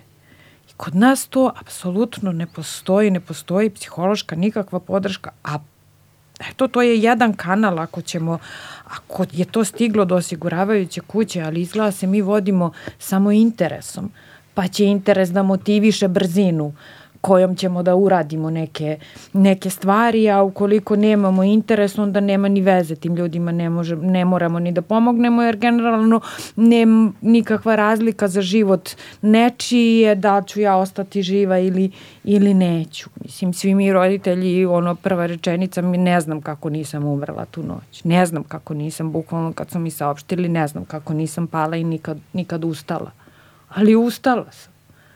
I sad kao treba da radim neke stvari, ja ne znam. Jer sve ono što sam radila prethodno više, ni, više ne, nije to to. Ne umem to više. I ne znam da li je to bilo dobro i da li treba tako ili drugačije. I mi smo sad kao pokrenuli tu, tu neku priču i nadam se da ćemo naići na, na ono razumevanje da, da to treba da postoji sistemski, da taj sektor mora da postoji. Jer ono što je Igor malo pre pomenuo, molim te, onih 4, 4,1 milijardi e, evra. E, samo kako si da. definisao društveno, to. Društveno, ek, društveno ekonomski trošak. Da, da. Upravo to, ja kažem, ako neko neće da se um, da sa da empatiše i da kao kaže da je to sa ljudske strane ok, da treba ljudima da se pruži pomoć i da te, osob, da te porodice budu funkcionalne. Ajde sa praktične strane da to gledamo. Jer upravo je to ono što te porodice ne, nisu sposobne da rade, da, da vode računa u drugoj deci, um, padaju na teret socijalne zaštite, um, bolesti se javljaju razne i koliko god se nas dve kao trudimo da kao nije nam ništa. Mislim, daleko je to od, od, od, od nije nam ništa. To su razne bolesti koje mi ne, ne, ni ne idemo kod doktora, ali su to stvari te mi padamo trošak je zdravstvene, trošak je na zdravstvu, trošak je na socijalnoj zaštiti. Mislim, ajde s te strane da gledamo i da imamo znanje, imamo resurse, imamo način kako. Ajde da uradimo to i da sprečimo ako ništa drugo, neko kome je u in, interes, samo u interesu, da. onda ajde ne gleda sa te strane. Da. da ćemo smanjiti trošak države u krajnjem mm. slučaju ako ćemo imati samo trošak da neko sedne i razgovara. Ovde je važno možda da napomenemo, hvala ti puno još jednom, ovaj, ovde je važno da napomenemo da kada smo se mi dopisivali ovaj, put mailom, da ste jasno istakli i naglasili zapravo da sve ovo što radite ne može da utiče da. retroaktivno na vaše slučajeve. Ne može. Dakle, uh, dakle, vi jeste roditelji, jel te, stradale dece, vi jeste žrtve i ovaj, neko načinno pravilo kaže kao žrtve ne bi trebalo da pišu zakone iz nekih, jel te, očiglednih razloga, ali s druge strane, vaše udruženje se bori zapravo za nešto što je zakonom već propisano, između ostalog, s jedne strane, ali se ne sprovodi. Sistem koji je sta, postavljen na mesto, ali koji ne funkcioniše kako treba. Sad pričat ćemo još drugim stvarima o tom sistemu. Na posljednjem delu ćemo i sa i, i, Igorima, ovaj, da ne bude da samo lamentiramo nad sudbinom postoje konkretni predlozi Jeste. zapravo kako stvari treba da se reše i konkretne prepreke u vezi sa time. Ali takođe je važno dakle, da se napomene da dakle, ne postoji retroaktivna politika koja će sada na uh, krivicu uh, uh, u vašim konkretnim tragedijama povećati ili izmeniti kaznu na da, neki, na da. neki da. način. Dakle, ovde se samo radi isključivo o prevenciji i o budućim, isprečavanju budućih, budućih po, potencijalnih žrtava. Ovaj, uh, Igore, uh, malo pre smo otvorili temu, dakle, uh, na, u, komunikacija, rade na saobraćenom fakultetu, znači komunikacija u, u javnom prostoru stvari ovaj, kada, je, kada, su, kada su saobraćeni propisi i zakoni u pitanju. A, ali bih pored, pored tih problema i ono da ti zapravo dopuniš ovo o čemu je Vera pre svega govorila, bih dodao i problem infrastrukture takođe. Ovaj pa ti si struček, molim te, preuzmi kormilo. Sa tradicijom dugom skoro tri decenije, Legend Worldwide je prepoznatljiv domaći brend sa akcentom na jeans, pre svega, koji odlikuju bezvremenski, klasični modeli. Pa Vera i Verica su otvorili jednu Pandorinu kutiju da. i zapravo kako se pojavilo njihovo udruženje, da kažemo na sceni, mm -hmm. e, to je onako uzbuktalo duhove u celokupnom tom saobraćenom sistemu i ljudi koji kreiraju tu neku saobraćenu politiku. Nisu svi političari, nisu svi članovi stranaka, tu su i stručni ljudi. I, i znam kad smo mi, na primjer, napravili taj prvi kontakt, uh, mene je Bogoljub, uh, Verin, Verin su, suprug kontaktirao, kaže kako kod tebe u tekstu stoji jedno, a oni na TV-u pričaju drugo, lično pričaju drugo, kao ti lažeš, jel oni lažu i tako dalje. Ja kažem, ne, ovo što i u mojim tekstovima, to su zvanični podaci, nema razlog zašto da lažem, e sad koji je interes mojih cenjenih i poštovanih kolega da na TV-u pričaju malo drugačiji narativ, zaista ne znam, ali ono što je činjenica da bi čovjek e, bio slobodan, on mora da kritikuje poziciju sa koje sam nastupa. Znači ja sam saobraćen inženjer i sad ću dati kritiku svoje struke, ujedno esnafa kome ja i sam pripadam, gde i ja snosim deo odgovornosti, da tako kažem. E, jednostavno, kreatori saobraćene politike, ne znam zašto i ne znam kako, e, ne vide ranjive učesnike u saobraćaju. Znači, za njih deca, pešaci, biciklisti, osobe sa invaliditetom, starija lica, ne postoje. U kom smislu ne postoje? Kad vrše tehničko regulisanje saobraćaja, kad saobraćajno uređuju grad, vrše saobraćajno planiranje, regulisanje saobraćaja, primjena zakonske politike, kaznene politike u sferi saobraćaja, medijske kampanje, zato je ono spektar. Jednostavno, to su kategorije na koje se apsolutno ne obraća pažnje. Znači, ja sam čak imao primetbe i od kolega, isto saobraćenih inženjera koji mi kažu, a zašto se ti baviš osobama sa invaliditetom? Šta sad ti se tu... To ti je neko rekao zapravo. Da, da. I to onako visoko, visoko pozicioniran kolega, da tako kažem. I ja njemu kažem, pa meni, što smo malo pripričali, brato strica mi ima Downov sindrom, osjetljiv sam, alergičan sam na pitanje i probleme koje imaju za saobraćenu infrastrukturu, ma koga to zanima? Ne znam, isto visoki predstavnik MUPA na jednoj međunarodnoj saobraćenoj konferenciji mi rekao, e, pošto smo dali predlog sad kad su bili izmene zakona o bezbednosti i saobraćaja, da se poboljša napredi bezbednost biciklista u saobraćaju. Čet, četiri člana zakona, neki stavovi da se tu promeni i MUP je sve to odbio. Znači i MUP i agencija, imali smo nekoliko internih sastanka sa predsednicima MUP-a, agencije, to smo predstavili na međunarodnoj konferenciji, smo još predstavili te izmene da su soglasi naša ta ZOPS-a, primjerima, Zopsa. ZOPS je zakon o bezbednosti saobraćaja, su Aha. saglasi sa primjerima dobre praksi zemalja koji imaju najbolje rezultate u pogledu zaštite biciklista. Okay. Znači nismo izmislili nikakvu toplu vodu zasnovano na nauci. Na primjer, oni su sve te predlog, predloge odbili gde, gde bi došli do toga da mi on kaže vi biciklisti se sekta. Pošto sad znaju, ja biciklom idem kuća, posao, do grada, aktivno koristim bicikl kao, kao prevozno sredstvo u Boru Gde sad vi vidite da čovek koji je u radnoj grupi za izmene zakona o bezbednosti saobraćaja, znači visoko pozicioniran u MUP-u, znači tu je negde gde se donose neke odluke, rešenja da ranjivu kategoriju nazovete tako jednom rečju kao što je sekta. Mm. E sad, a to je kategorija na prvom mestu ko nema infrastrukturu, ovo što si pomenuo, su osobe s invaliditetom. I s te strane, znači oni apsolutno nemaju infrastrukturu koja ih štiti, koja ih podržava. Znači oni ne mogu iz stana da izađu iz kuće, da ne pričam da odu 300 metara od stana. Na primjer, ne znam, evo, banalan primjer šta radi kreatori saobraćene politike. Na pešačkim prelazima ivičnici moraju da budu spušteni u nulu. Mm -hmm. Ne samo zbog osoba koje se kreću kolicima sa štakom, hodalicama, ali i zbog majke s malom decom kolicima. Znači, mi smo vodili borbu sa sekretarijatom ovde za saobraćaj grada Beograda, da se spusti ivičnici. Znači, i to vodimo borbu sa saobraćenim inženjerima. Znači, unutar te struke moje, nema sve za to, da ne pričamo sad gde su taktilne staze za slepe i slabovide, gde su adekvatne rampe za prilaz javnim, obrazovnim, kulturnim institucijama i tako da. dalje.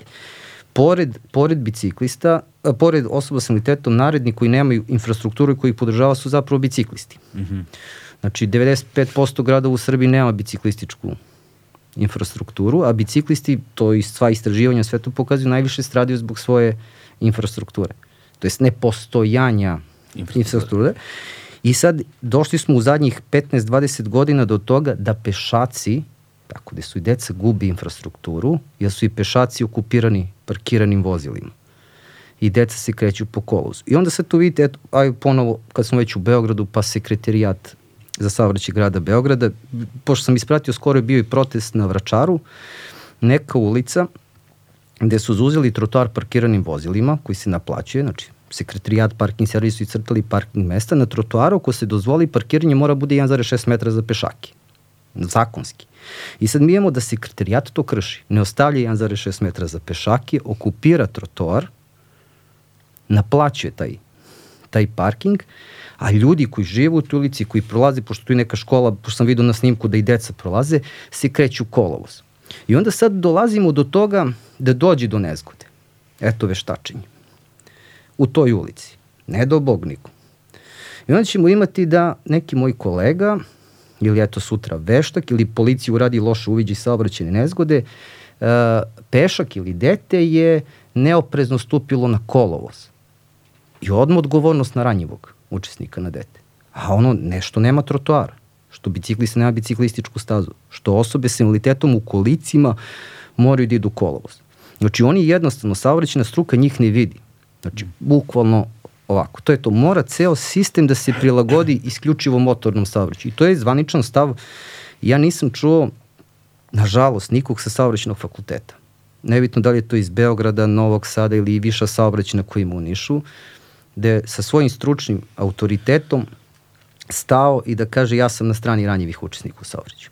Znači 50% stradalih su oni, nemamo infrastrukturu koja ih štiti, nego čak i medijski ono što je Vera rekla kad izađu. Na primjer, skoro, pre, pre nekih pola godine malo manje, isto izveštaj MUPA, gospodin iz MUPA izađe i kaže, ne znam, u nezgodama, uh, pošto kajemo da raste broj is, i, i stradalih biciklista, uh, preko 50% slučajeva, krivi su vozači motornih vozila, ali, i onda kreće 5 minuta paljba po biciklistima. Kao ono, uh, nezgoda pešak, pešak vozač, naravno u većini slučajeva krivi su vozači motornih vozila, i oni kažu, ok, tu je kriv, desila se ta nezgoda, ali uvek nekako imaju to ali, kad strada dete, kad strada peša, kad strada biciklista, mm. i nekako da minim, minimiziraju opravdaju postupanje vozača motornih vozila. Mi, ja ne znam, ovo trenutno, ono šta nam se dešava, da mi za, zapravo u zadnjih godinu dana imamo decu koje su nam stradala, koji nisu napravila nikakav prekršaj. Znači, evo imamo dve porodice ovde, ima ih još 50. Mnogo, mnogo. I da vozači napuštaju mesto neskode.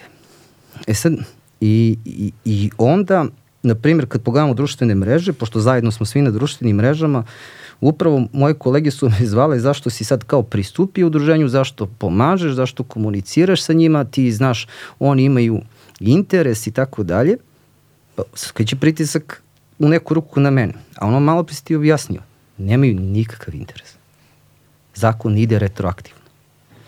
Znači, ovo što Vera, Verica, a, Bogoljub koji je ovde sa nama, a, Vukašin i sad Marta, upoznao sam sve, sve, te, sve te divne porodice, a, ne rade e, pod jedan da bi dobili, ne znam, doživotnu kaznu počinioci, da bi se svetili, iz mržnje prema, a, pošto sam upoznao ove ljude, prema mržnjama ti koji su napravili te saobraćene nezgode, nego upravo da više ni jedno dete ne strada.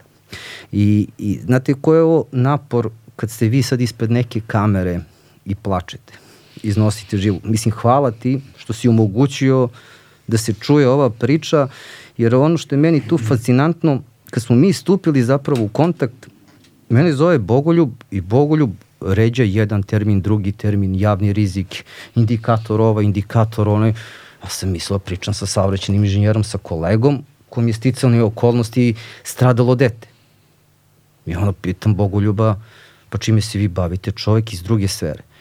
Znači, čovek sahrani čerkicu 12 godina i za mesec dana savlada ceo saobraćeni fakultet svu terminologiju, šta je veštačenje, kako se mere tragovi kočenja, kog je zaustavni put, e, gde je, gde, gde je, gde je položaj tela. Ja sad čujem se čovekom, ne znam, nismo se videli lično, ono, ja sam bio ubeđen da čovek, ono, magistar saobraćaja, I, a sad zašto je Bogoljub, Vera, Verica morali da savladaju, ne znam, ta tri zakona pravilnike koje pa ne pričam krivični zakon i to, zato što nema sistemske podrške dođu kod advokata, advokati kažu odustani. Imamo policiju koja radi traljavo ili loš uviđaj saobraćene nezgode. Od samog uviđaja saobraćene nezgode zavisi i sam taj kvalitet veštačenja.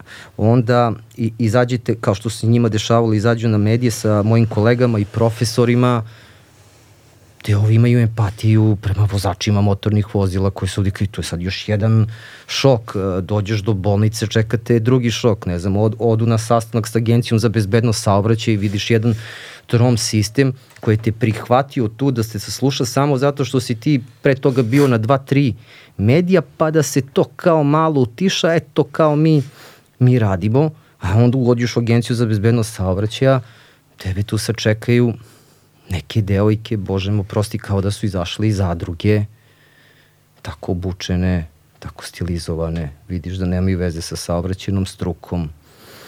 I onda ti obratiš se MUP-u, tako te nešto sačeka. Obratiš se agenciji za bezbednost saobraćaja, tako nešto. Obratiš se saobraćenom fakultetu, sačekate narativ gde su uvek ranjive kategorije krive. Odeš do sekretarijata za saobraćaj, nije naša odgovornost. Pitaš puteve Srbije zašto je loše postavljena signalizacija, regulisu, ne, pitajte tu opštinu, to nije do nas. Znači imamo taj jedan sistem koji je trom, koji je neodgovoran i u principu nestručni ljudi su postavljeni na te ključne funkcije, dakle se sad vuku neki konci.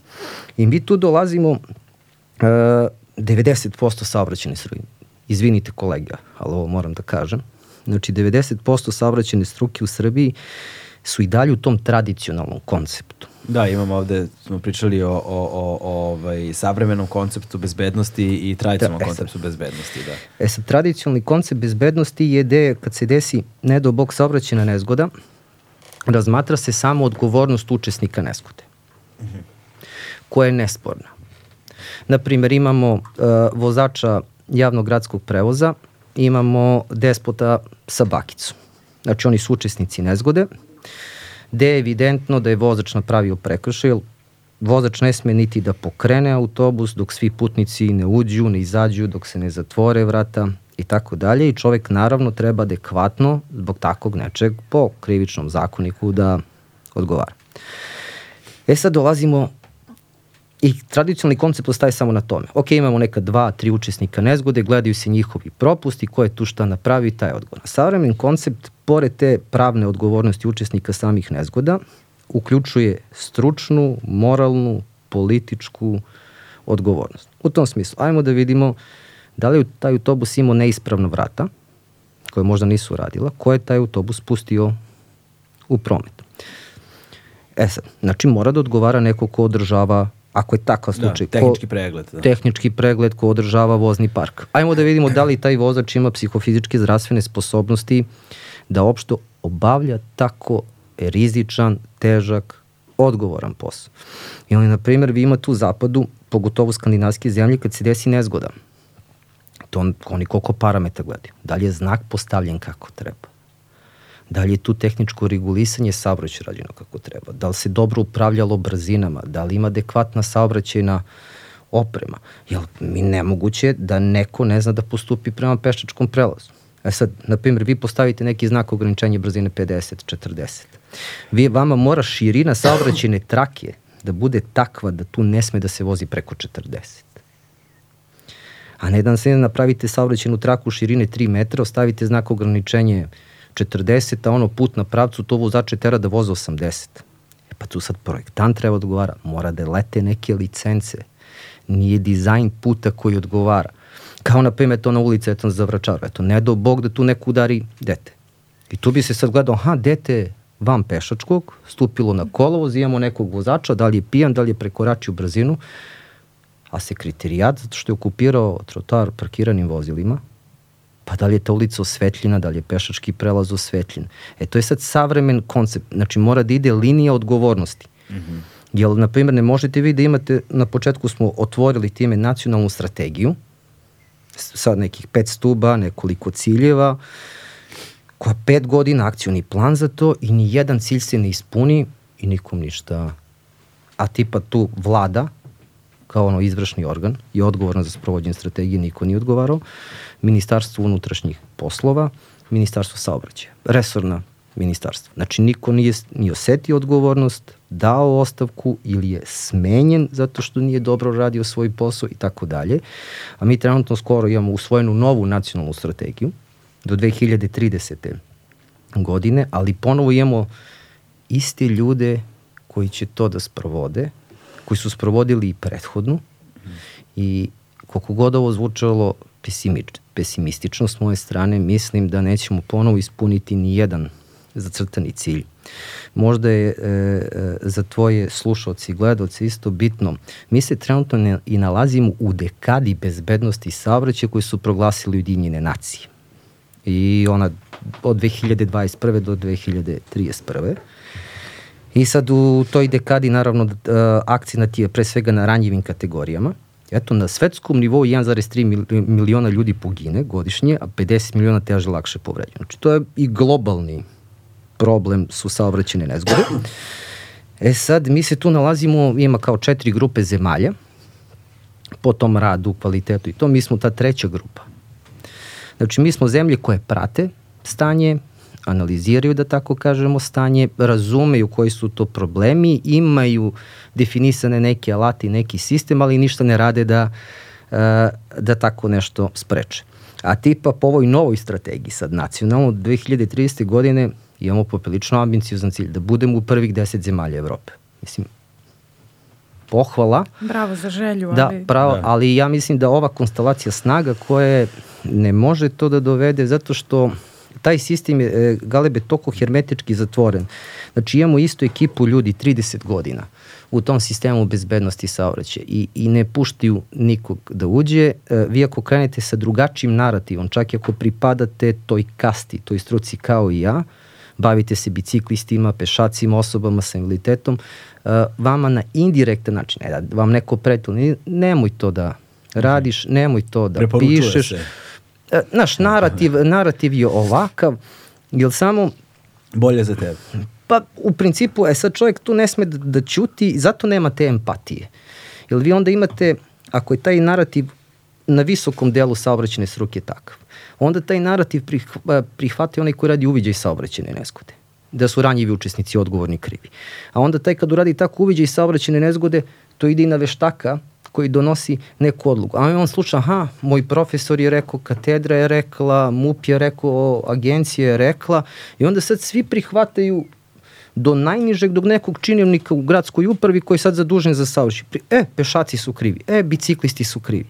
I ja mislim da smo mi jedina zemlja u Evropi, ali pošto pratim Evropu uglavnom, gde se targetiraju ranjivi učesnici u saobraćaju. Znači, gde saobraćeni inženjeri targetiraju ranjive. Znači, meni je to prosto neverovatno. Znači, to nema nigde. Svuda je, je ranjiva kategorija kad se planira grad, neka ulica, radi dizajn, tehnički reguliše saobraćaj. Oni su na prvom mestu.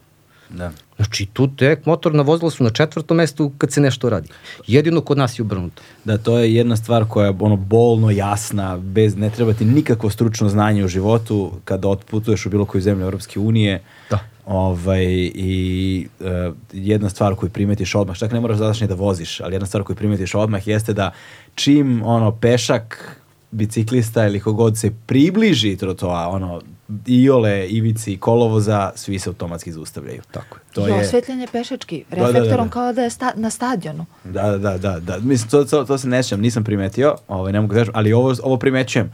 Ono, to smo se kao klinci, čak i kad smo prvi put počeli da putujemo zezali, kao, znaš, ajde sad, kao približi se trotoar, viš da će da stane, stanu svi, bez greške. A ne, a zato što infrastruktura... Zato što nismo navikli to, da, to da vidimo ne, uopšte, da prisustujemo tako nečemu. A, a to je sad problem, zato što infrastruktura, Kad vi gajite infrastrukturu, podjednako za sve učesnike u saobraćaju, vi i razvijate tu kulturu brigi i ravnopravnosti.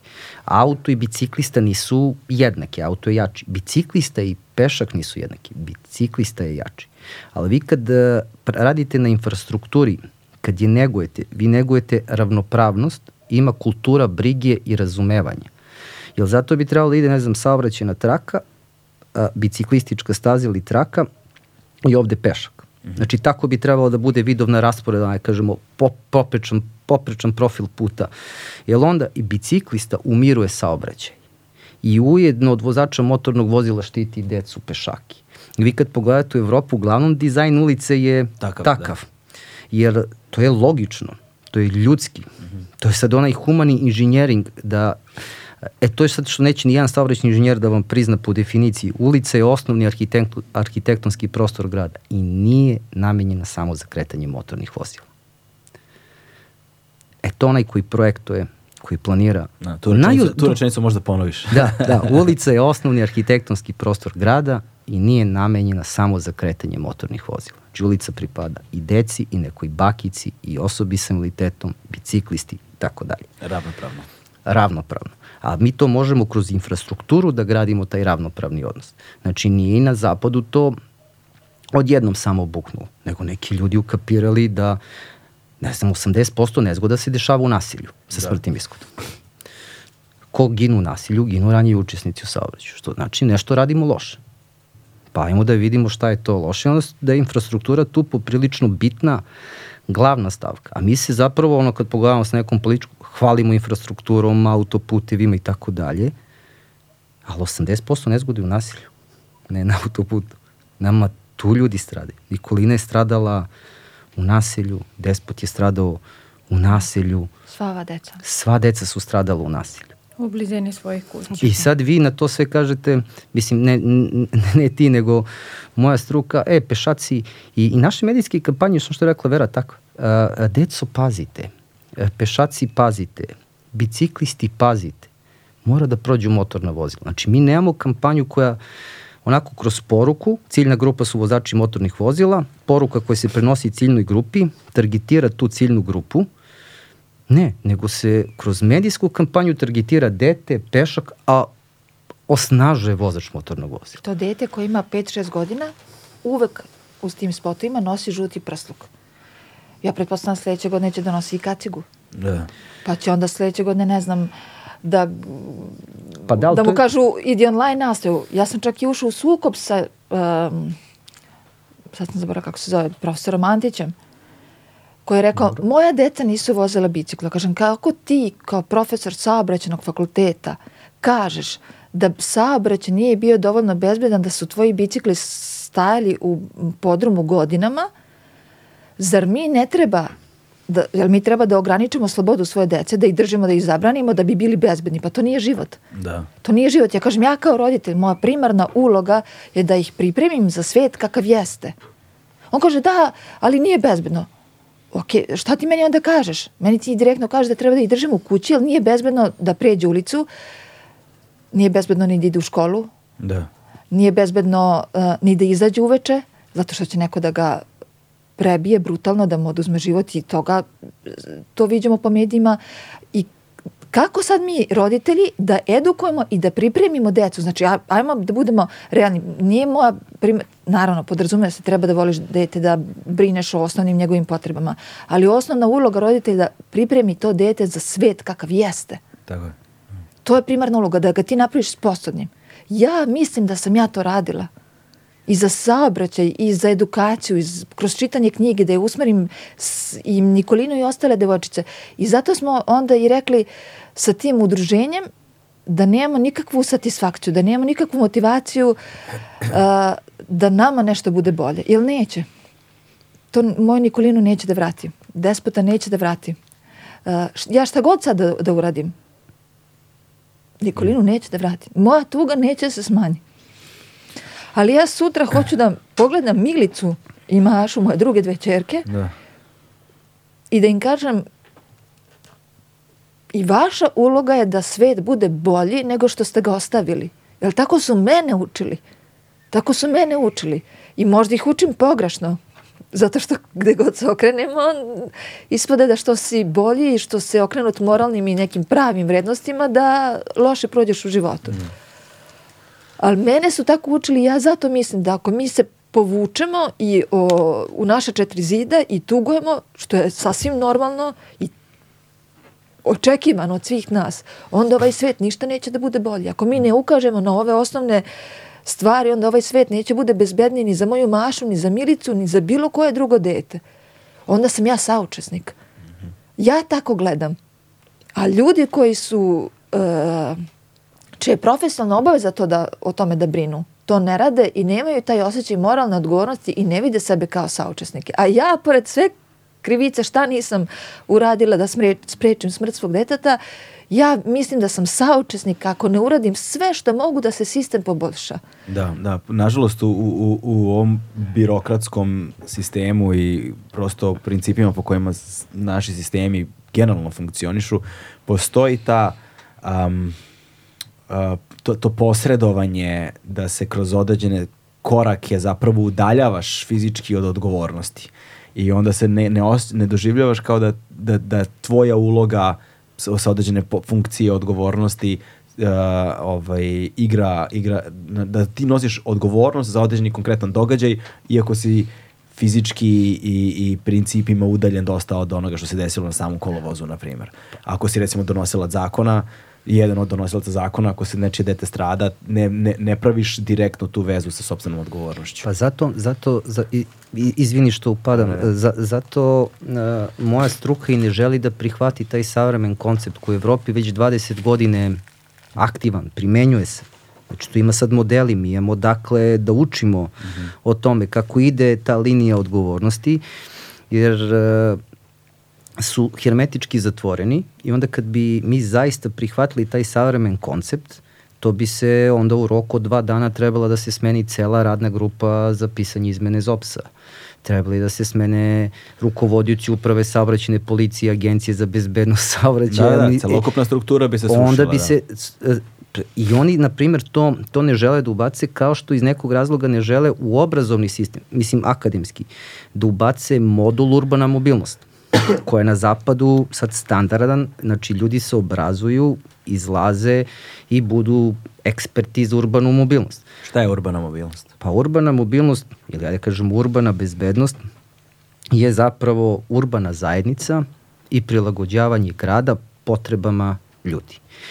I sad ne gleda se grad, ne, ne smatra se samo, ajde kažemo, i saobraćene perspektive, nego to je ono, mora da učestvuju urbanisti, arhitekte, saobraćajci, prostorni planeri, pejzažne arhitekte i tako dalje. Znači, e, pripitomljavanje grada kroz planiranje, kroz projektovanje i tako dalje. Taj koncept isto u Evropi već 20 godina, znači oni imaju sad eksperte na polju održive urbane mobilnosti, koja se pokazala kao najbolji koncept i za bezbednost saobraćaja u gradu. Naprimjer, imamo Helsinki, uh, moj dobar prijatelj i kolega je profesor na saobraćenom, zajedno smo završili, on je profesor u Helsinkiju, znači oni dve godine nemaju e, smrtno, a Helsinki ko Beograd da kažemo, nemaju smrtno stradalo dete, pešaka i biciklistu. Pazite, jedan milionski grad. Dve godine nemaju. Dve godine nemaju.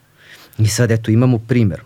Ali imaju i uh, kazanu politiku. Imaju, pa, mislim, Finsk, mislim, generalno skandinavske zemlje imaju uh, bukvalno cel, celokupan taj sistem koji je prilagođen čoveku i, i zaštita života je tu ono na prvo mesto. Ne sme niko da strada. Na primjer, Švedska je prva zemlja u svetu koja je napravila viziju nula taj Vision Zero. Znači Šta da imaju to? nula poginulih i nula teško Aha. povređenih. I oni su to krenuli pre 23 godine. Njima se svet smeo kad su oni izašli da hoće nacionalnu strategiju bezbednosti, da se to zove vizija nula i krenuli da razvijaju ceo taj koncept. I onda svi su, ma nema ništa od toga da niko ne strada i ono kako ono šveđani krenuli da rade, mislim i sve skandinavske zemlje da napreduju, samo viš kako Nemci, Britanci, Danci, Holandjani prihvataju viziju nula. I to je sad krenulo pre 20 godina. Ali oni su prihvatili odmah savremen koncept odgovornosti, koncept održiv urbane mobilnosti, školuje se visoko obrazovan kadar koji će da bude na funkcijama nema etiketiranja ranjivih učesnika u saobraćaju, nego sve mora da bude podređeno ranjivom učesnikom u saobraćaju. Kod njih nema šanse da se desi ovakve izjave i ispadi na TV-u koji imaju, koji imaju moje kolege. Znači, kod njih je to ono, nema, nema, nema teorije. Apsolutno nemoguće. Nemoguće da se tako, da se tako nešto desi. I onda eto sad mi zato i kasnimo za Švedskom 25 godina, 15 godina za prosekom EU, niko ne snosi odgovornost i o, ova tvoja emisija zapravo dobra, mislim ne do Bog nikom, ali roditelji koji slušaju Vericu i Veru, znači ne do Boga snađu u toj koži da vide e, koliko prepreka će da se stane ispred, a oni samo žele da ne znam, da. budu mirni, da vaspitavaju svoju decu, a onda problem od advokata, od pravosudnog sistema, od krivičnog sistema, od MUPA, od agencije i samo ono na, na tvoj teret koji je onako ogroman, dete si sahranio, jedan trom sistem se samo obrušuje na tebe i ti vidiš da nema pravde i da ti još etiketiraju. Na svetu ne da nema pravde, nego još te i etiketiraju u celoj toj priči. Ne, ovaj, sad ćemo se po, da se postavimo sad malo nazad tom sistemu. Ovaj, a, kad ste već govo, govorili o nacionalnoj strategiji i tako dalje, vi, uh, vi ste zapravo imali pokušaje da se nađete sa predstavnicima sad vlade ili ko, mislim bolje ćete vi me da ispričate zapravo šta, kako je ta procedura izgledala, ste vi dugo pokušavali sa njima da se nađete i da se niko da, nije javlja. Vera je, Vera je ovaj, pisala, pisala, pisala, pisala, pisala Kada? Kada misliš? U februaru. I tebi sam u februaru pisala. Da. Nema, mislim, ja sam od besa, od očaja, od uh, brige. Ja kažem, mi sad živimo preko puta škole, imam čerku 9 godina, ja vodim za ruku školu. Da. Preko puta škole živim. I on sam shvatila, neću ja da se prilagodim trenutnoj situaciji i neću nju da, da je pravim dodatnu traumu, ajde radimo šta možda promenimo. Da. Ko možda promeni? Nadležne institucije. Nećemo da idemo od novinara do novinara, treba promenimo svest naroda i to nam je drugi, sekundarni cilj, da se promeni svest naroda, da niko ne dođe u nas u situaciju, nego obrnuto se ljudi bore i da budemo iskreni, mi se borimo sad kad nema decu, nisam se borila pre. Ali nemojte da dođete u situaciju kao što je moja, ajmo da se borimo pre nego što vam se to desi. I da onda smo krenuli po nadležnim institucijama, pisali smo mailove, zivkali, toliko smo bili uporni da na kraju je jedan pokleknulo jedno ministarstvo i kad su nas primili u ministarstvo za brigu o porodici, uh, znate, kad primite deset ljudi u crnini koji vam plaču i koji vam prepričavaju kako izgledaju, kako su izgledala njihova deca nakon saobraćajne nezgode. Pa ne znam, možda neki promjen ljudi može da na to ostane imun. Ali to je bilo plakanje sa obe strane. I samom tom ispovešću što smo mi ej, došli smo u Ministarstvo za brigu o porodici i pričamo kako mi više nismo porodice i onda je ministarka Darija Kisić-Tepavčić rekla, a što ste došli kod mene? Pa ja nisam nadležna, ja sam rekla, niko mi nije odgovorio na mailove. Ja pišem i zivkam i pišem i zivkam, vi ste mi jedini odgovorili i rekli nam dođite tada. I onda ona uzla telefon i rekla, ljudi, ja ovdje imam deset ljudi čija su deca poginula. I tako se zakotrljao taj krug. Uh, od februara meseca, sad smo u oktobru. Od februara meseca mi smo otišli uh, ne da kukamo i ne da dobijemo sažaljenje, nego smo otišli sa konkretnim predlogom. Mi smo u svako ministarstvo odneli u pisanom formatu i ja sam to slala u elektronskom formatu prijedloge izmene krivičnog zakonika i izmene zakona o bezbednosti saobraća, taksativno koji članovi treba da se promeni, šta su naše preporuke uh, koje su bazirane na krivičnim zakonicima zemalja kod kojih je stradanje dece i smrtnost populacije uopšte minimizovano. Znači, e, i ta represija je prevencija. To i zakon kaže. I onda nam je primarno bilo da krenemo to krivičnog zakonika, e, da se te kazne koje su minimalne godinu dana, dve, tri, to nije godinu dana kao što rekao da ste vi 365 dana u zatvoru niste, nego ste to mnogo manje, to na kraju svede na 350-400 za dana da. u zatvoru ako je kazna 3-4 godine. Pe, 52 vikenda imaju godini. Da. da. Pa godišnji odmor, imate da. godišnji odmor, pa onda imate nagradne dane i kao za bilo koje krivično delo posle dve trećine odslužene kazne idete na uslovni otpust. Tako da, uh, ja kažem, to nije satisfakcija ni za jednog roditelja. Tri godine, deset godina i mi nismo time motivisani bili i od samog starta znamo da se po ustavu nijedna promena zakona ne može primenjivati retroaktivno, nego ide u korist okrivljenog zakon koji je u tom trenutku bio aktivan. Tako smo tu od samog starta znali, znači nismo bili motivisani našim tragedijama, nego da ljudi shvate da treba da se spreče buduće tragedije, da se smanji trend bahatih vožnji.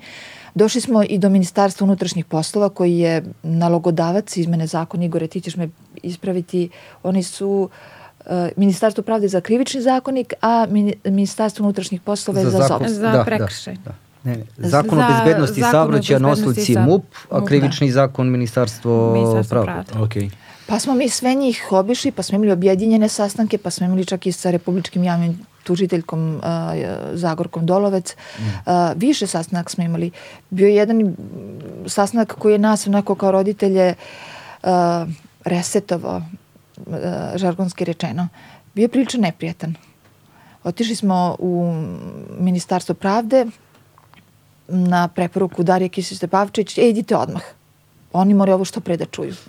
Mi odemo tamo i primi nas državna sekretarka Bojana Šćepanović, uh, bez pozdravljanja, bez ičega, uh, prilično distancirano uh, i šta god mi da kažemo, onako prilično drsko, agresivno i sad mi slomljeni dolazimo. Pre toga smo sat i poplakali u ministarstvu. Nije lako, ko što Igor kaže, iznova iznova pričati kako ti je dete poginulo. Da. I mi to iznova iznova radimo. I onda odemo tamo, ne da bismo pričali tome, nego i predamo opet taj elektronski, e, pisani dokument sa, i ono uzimate, aha, pogledat ćemo, ok, pogledat ćemo, ali ajde kad se već tu, e, šta vi konkretno imate za vaš slučaj da nije ok, I onda mi tu krenemo da pričamo svako za svoj slučaj. I uh, baš ovo što je Verica rekla, uh, ona kaže podneste podnesak, podneste ovo, radite ovo. Ja kažem, ja nisam pravnik. Ja sam završila PMF, ne znam prava, ma ništa ne znam u vezi prava. Nikad nisam imala dodira ni sa tužilaštvom, ni sa saobraćom, ništa. I onda na svako naše pitanje bio agresivan odgovor. Ja sam u jednom trenutku onako besna, revoltirana, rekla, pa dobro, jel ja treba da, da naučim sudsku medicinu da bi čitala obdukcioni nalaz mog deteta, da naučim uh, zakon, da naučim uh, zakon o bezbednosti saobraća, da pročitam veš, saobraćeno veštačenje, da prođem kroz uh, uh, učbenike saobraćnog fakulteta, da bih ja na tom suđenju uh, mogla da pratim da li neće doći do zloupotrebe i da li neće moje dete biti okrivljeno za svoju smrt. I tad smo dobili naj, ispostavilo se najvredniji savet. Ako mi je toliko stalo do vašeg mrtvog deteta, onda hoćete. Ja sam tu začutala i više do kraja sastanka nisam rekla ni riječ. I tako smo bili onako on, š, ne znam, kao da smo vi imate slomljene ljude i kažete im reč, ako ti je toliko stalo do mrtvog deteta, onda se bori za njega. Nauči sve to. Ali sad, sa ove vremenske distance, ona je nama rekla jednu surovu istinu I onda smo suprug i ja, kao što Igor rekao, krenuo, krenuli u sve to, analizu videosnimka gde vi gledate snima kako vam gine deta, vi analizirate frame po frame, da biste videli koja je brzina vozača bila, a ne da li je veštak brzinu koju je napisao, da li postoji drastična razlika. Pa onda kad dođe veštak u sudnici, vi dignete ruku i kažete li imam ja par pitanja, pa onda moj muž koji je iznova iznova sa timovima radio tu analizu videosnimka, pa onda merio knapima uh, ma, gomilu stvari, pa onda prigovore na advokatskoj komori za ponašanje advokata koja nije bilo ni humano i koja krši kodeks. Ja sam i kodeks advokatski čitala i gledala koje su stavke prekršene. Uh, hvala Bojani Štjepanović da mi nije na taj stravičan jeziv i brutalan način otvorilo oči ja bih možda išla od novina do novine i pričala moje dete je stradalo, moje dete je stradalo i ništa se ne bi promenilo. Ne znam ni sada da će da se promeni, da budemo realni, ali uh, nemaju porodice te kapacitete. Nemaju emocionalne kapacitete da sve to rade. Mi smo radili to kao vid odbrambenog mehanizma da, jer s vremenom smo upadali u sve veću depresiju i psihoterapeuti i, ja, i antidepresivi sve goru depresiju upadamo ja ne izlazim iz stana mesecima da ne vidio mi se ljudi i sav fokus je bio na tom suđenju zapostavljam svoju ostalu decu drugi, znači ja imam odgovornosti prema njima da brinem, a ja ni to ne mogu Zato što sam blokirana, ja sam i dalje u tom 7. decembru kad je Nikolina udarena. I ne možete očekivati, ne može niko ni od institucija, niti, ja kažem, taj savet, ja ne bi ga dala ostalim porodicama, jer nije to snaga, to je bez, to je očaj. Ljudi kažu imate snage. Nije. Verica čak i više puta reka, to je ta ljubav koju ti dalje osjećaš prema detetu, ona ne može da ispari. Da ti imaš negde potrebu da, da, da i dalje radiš to zbog svog deteta, a onda s druge strane imaš i realnu potrebu jer niko drugi neće time da se bavi. U našoj zemlji niko neće bude revolucionar. U smislu ni sudija, ni tužilac, ni sudija. I ti bukvalno moraš, ono, ja sam ono, čitala, nisam čitala obdukcioni nalaz, moj suprug je to to uradio. Ja sam čitala izvešta iz Tiršove gde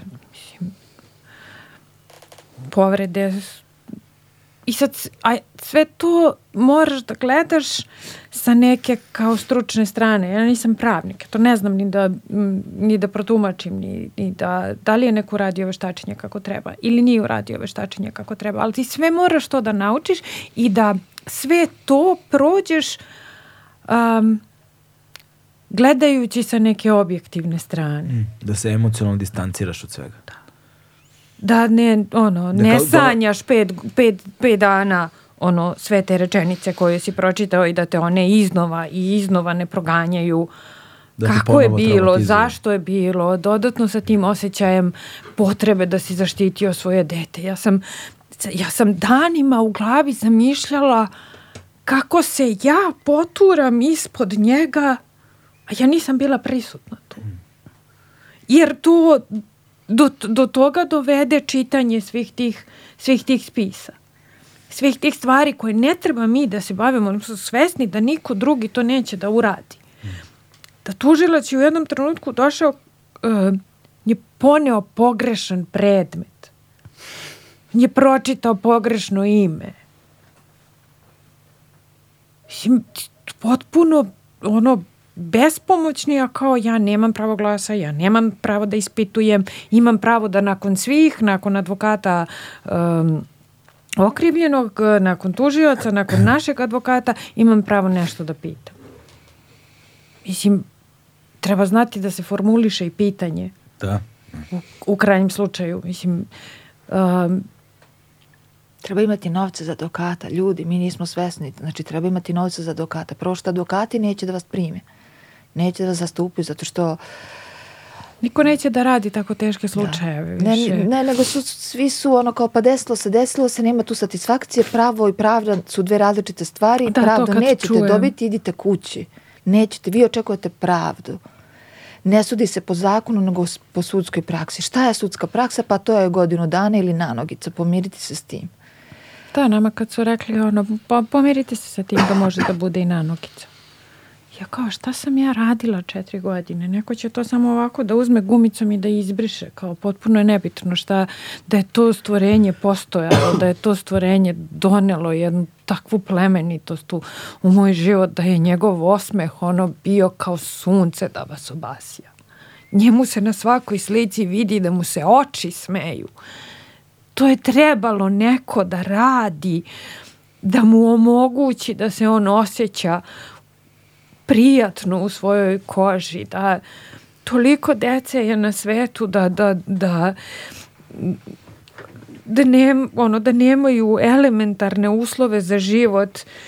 Ja gajim dete koje ono, sve svoje, svu svoju energiju ulijem u njega da mu omogućim da, da bude srećan, da bude nasmejan. I onda postoji sistem, postoji svet koji dozvoli da to dete nestane i da na sve to kaže pa šta ima veze. I Mislim, daje jasnu poruku ostalim vozačima, što je još gore. Ako probamo emotivno da se distanciramo, mi kad neko nam kaže vi ste subjektivni, jesmo, pa uvek ćemo biti, ne možemo da budemo objektivni. Ali ajmo, ako hoćemo emotivno da se distanciramo od, od sudbine koje smo mi doživjeli, tom nanogicom, tom jednom godinom, ti daješ jasnu poruku bahatim vozačima kojih ima jako puno, mi, smo, mi pratimo, pre neki dan je sedmero ljudi poginulo što svojom krivicom, što krivicom drugih vozača. Ti daješ jasnu poruku i ako ubiješ nekog u saobraćaju, pa nema veze, bit ćeš ili u e, kazneno popravnom domu ako si do 21 godine, bit ćeš u kazneno, ne kazneno popravnom, zatvoru za Maloletnike. maloletnike do 21 godine.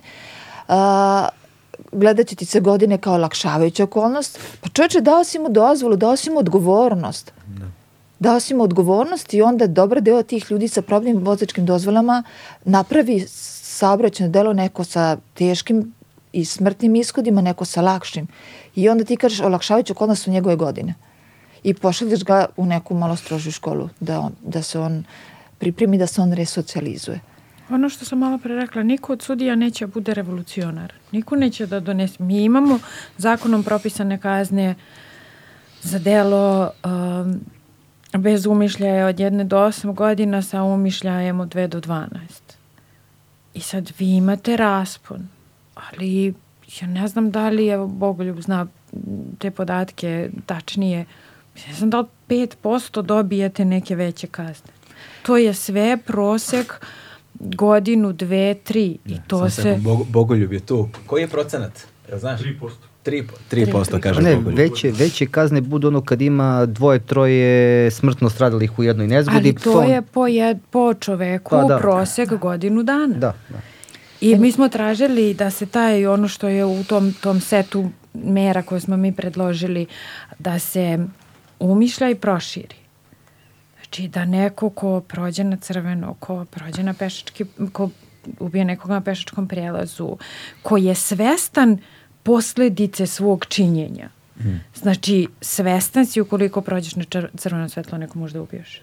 I ti si opet svesno prošao. Znači, meni ne može niko da me ubedi da to nije umišljaj. E sad kao, prošao si pa se ništa nije dogodilo, ali kao sledeći put Da. ne znam baš e, da, da li će to da se dogodi. Zanimljivo je kad već pomenješ crveno svetlo, ovaj, a, a, da kako su kako je, kako je gradski saobraćaj odnosno kako se zove GSP kako je GSP, reagovao da, da, da. reagovao na Oni su prvi... Odnos, odnosno zapravo uvedeno je kamerom regulisanje, odnosno snimanje crvenog Da, da, prolaska na crveno u Beogradu svetlo. ili još negde. Uh, mislim da sada Mo- kamere... Možda ima još nekim gradovima Ima da su Kragujevcu, ali ne radi analitika. Pričali smo mi sa načelnikom. Znači, uh, ne registruje prekršaje.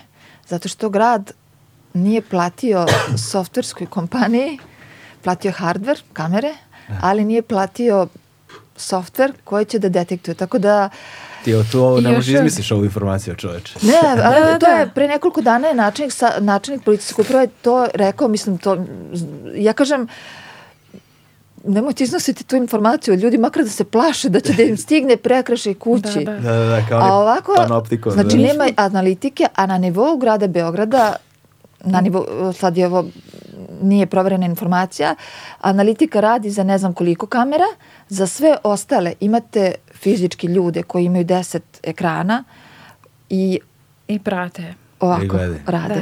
I sad, Ali ono to što smo mi moguće dobili u 21. kao veku? da, ono što smo mi dobili kao informaciju i sad vodila se m, m, priča oko toga da li hitna pomoć treba da prođe na crveno svetlo i treba da prođe i pod, pod eh, sirenama i Da li hitno to, hitna pomoć prolazi pod rotacijom, Pod i, po, rotacijom i i sa pod sirenama, sirenama. koje čuješ ono, Ono, tri 100 ulice metara. To je dalje. druga, da. druga stvar. To je a, druga stvar. a, prva stvar koju su se i najveći problem uh, koji su napravili su iz GSP-a koji su odmah dobili dopis da se njihovim vozačima automatski dozvoli da mogu da prođu kroz crveno svetlo.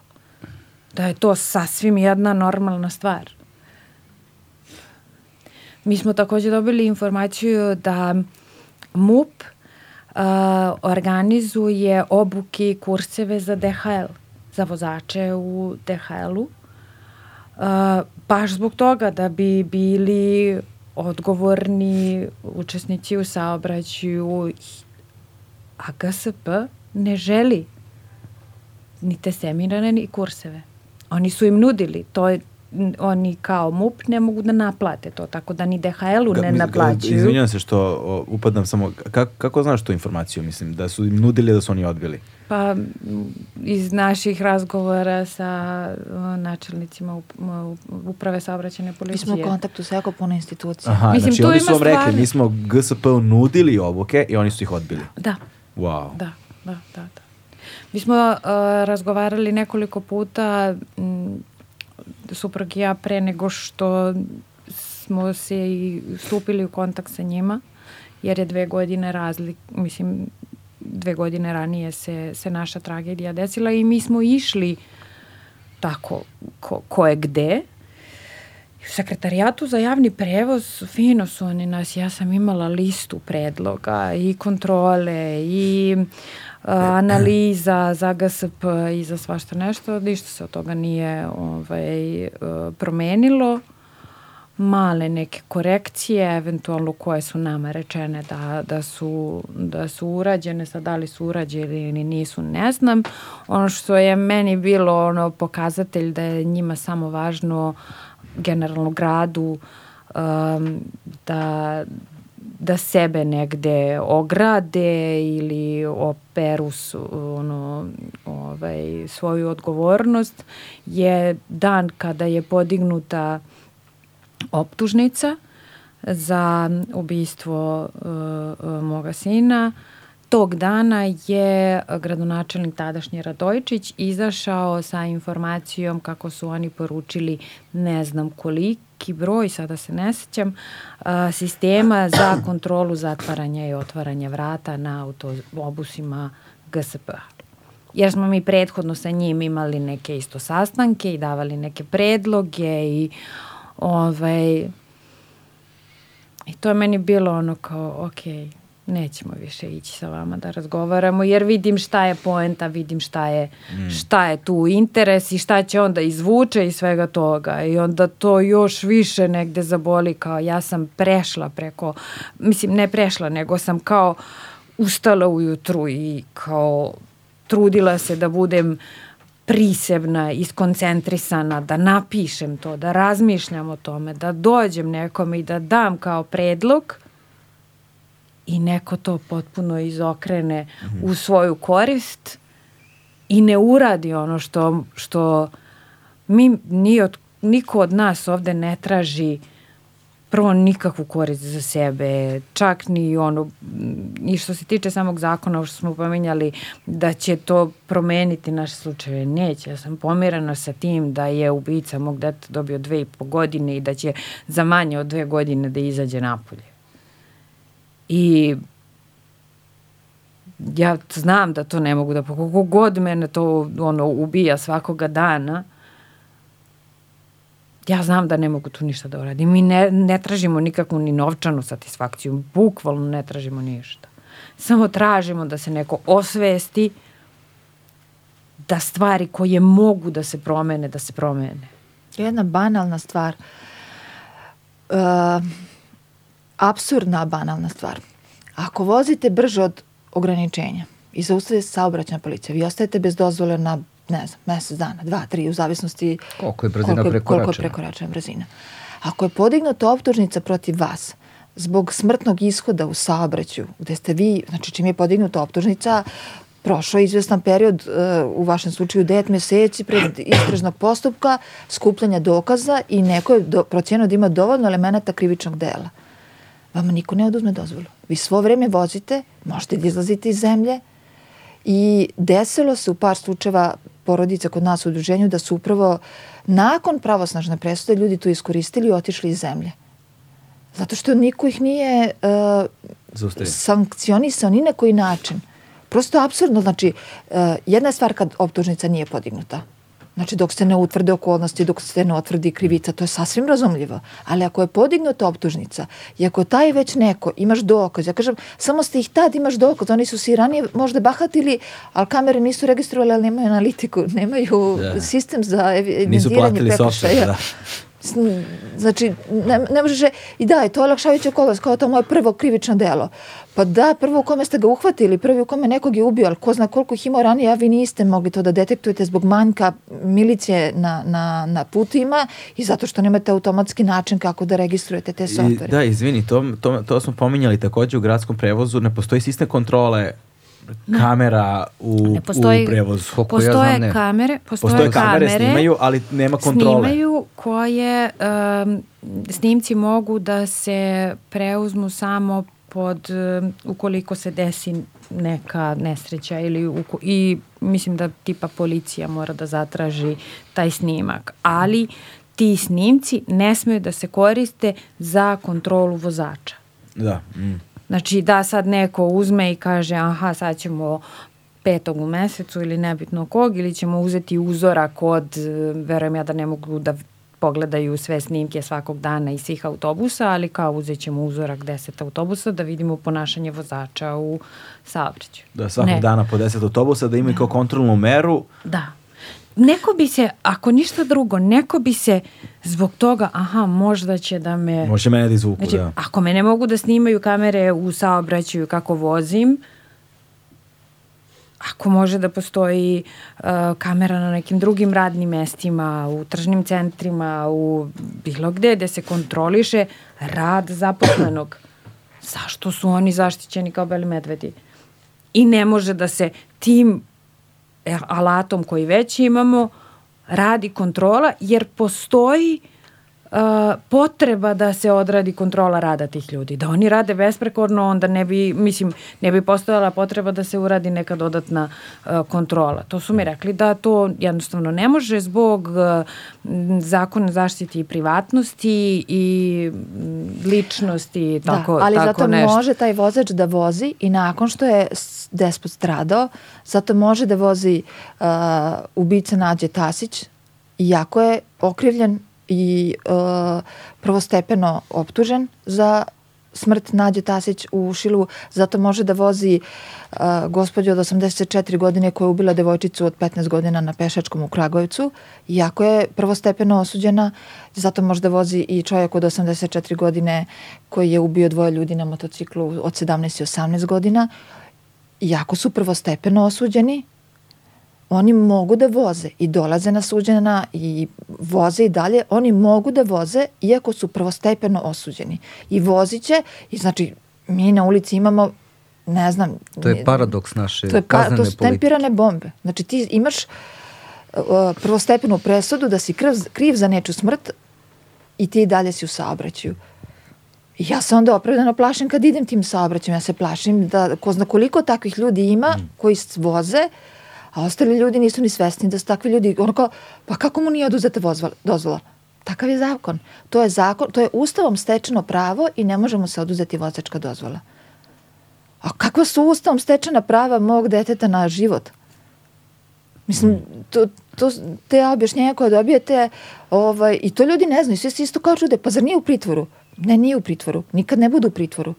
Kao, kako je moguće da je sad na slobodi? Pa bit će na slobodi još godinama, nekad krivični postupak traje 5-6 godina u zavisnosti koliko ima okolnosti, koliko ima korupcije, koliko ima malverzacije, dešava se i to. Da. Da ta osoba, da ti Lažiranje, ljudi... veštačenja. Da, Svašta oni zasnuju Da, porodice, ožene se, ma decima od- odrastu dok oni na kraju dobiju uh, pravosnažnu presudu. I tek nakon pravosnažne presude opet prođe par dana, to je Verica isto Ne, zna. prođe, prođe dosta vremena i posle pravosnažne presude, Dok dok, sad rezu- taj sud pošalje MUP-u na izvršenje, pa onda MUP ode ono, otprilike kucne na vrata mm, i kaže, pa ako možete da se javite u zatvor tad i tad.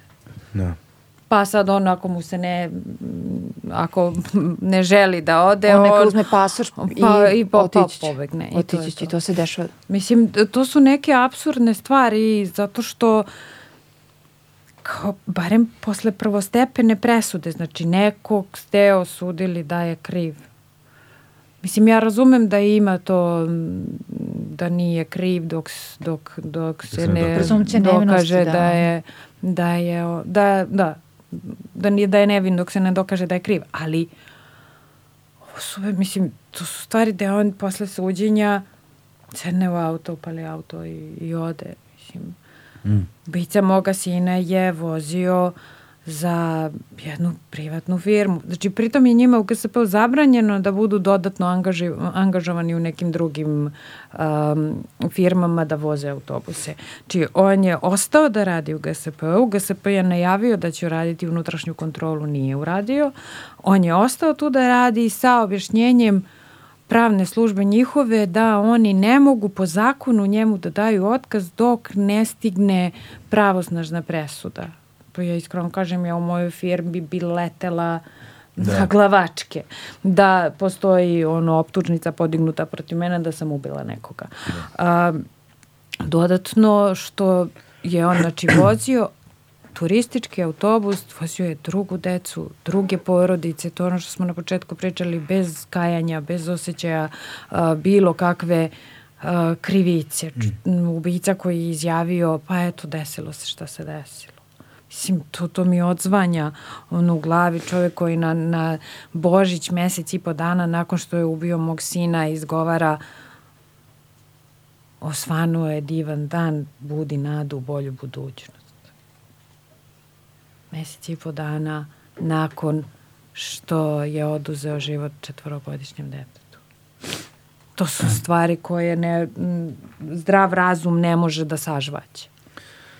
Uh, Igore, uh, da se, da se vratimo malo na, na, na ovaj potencijalna rešenja još dodatna i ovaj i na, još nešto o čemu se govorio takođe je savremeni model saobraćenog planiranja. Ovaj, šta si po time podrazumeo? A, ako želimo prvo da, da smanjimo posledice nezgode, e, moramo da smanjimo brzinu u naseljenom mestu. Znači, kod nas je trenutno brzina 50. Znači, u nasilju ne sme preko 50. To je najveća dozvoljena brzina.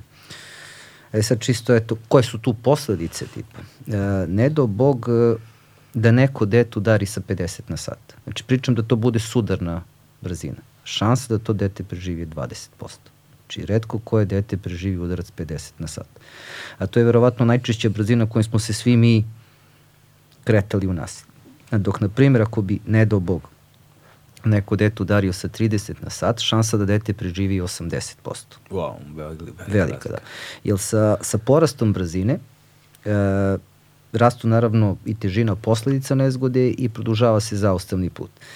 E, čisto ono šta vozači treba da znaju, a svi smo mi između ostalog i vozači. Da. Uh, auto koji ide 50 na sat ima energiju 20 ispaljenih metaka. Ne brzinu, ono, m puta v na kvadrat sa 2, kinetičku energiju. E sad, od čega tu zavisi zausta, eto ono što bi gledali veštaci kad se desi nezgoda. Na primjer, ako je čovjek psihofizički zdravstveno sposoban, sad pričam da ja upravljam autom, e, nisam umoran, ne gledam u mobilni, nisam pijan, nisam pod dejstvom psihoaktivnih substanci, nisam potrešen nekoj situaciju, nego ono, fokusiran sam na vožnju, na put. I da mi sad izleti nešto, kuće. Znači, meni u najboljem slučaju treba od 0,8 do 1,2 sekunde da vidim situaciju. Ili eto, naglo neko zakočio ispred mene. Nek bude to jedna sekunda. Auto koji ide 50 na sat za jednu sekundu prelazi 14 metara. Što znači ja samo dok sam video to kuće, taj auto, to dete, taj pešački, znači ja sam 14 metara bliži i dalje idem 50 na sat. Mm. Što znači, ako idem 50 na sat, sve što bi mi uletelo u prvih 14 metara, da naglo iskoči, ja udaram sa 50 na sat. Što je smrtonosna brzina za dete. I za odraslu osobu, ne samo za dete.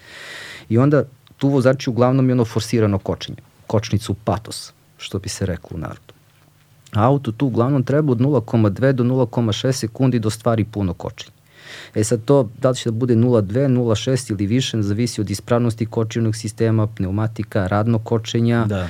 U Srbiji je prosek starosti automobila 18 godina, ne 5, ne 3, da, da. ne 4. Da, tu, tu, da, tu, tu, tu, go, tu, go, tu govorimo o onom savremenom konceptu e. bezbednosti odnosno na tradicionalnom. E da. sad, i onda kada auto stvari puno kočenje... Izvini, ponovi sam još jednom, koliko? 18? Šta se treba? Koliko, pro... Skoro nepunih 18 godina je starost Prosečna. Prosečna starost, da. Wow. Sa što kaže, neko ima auto od 5 godina, ali neko od 25 i, i da, tako da, dalje. Da.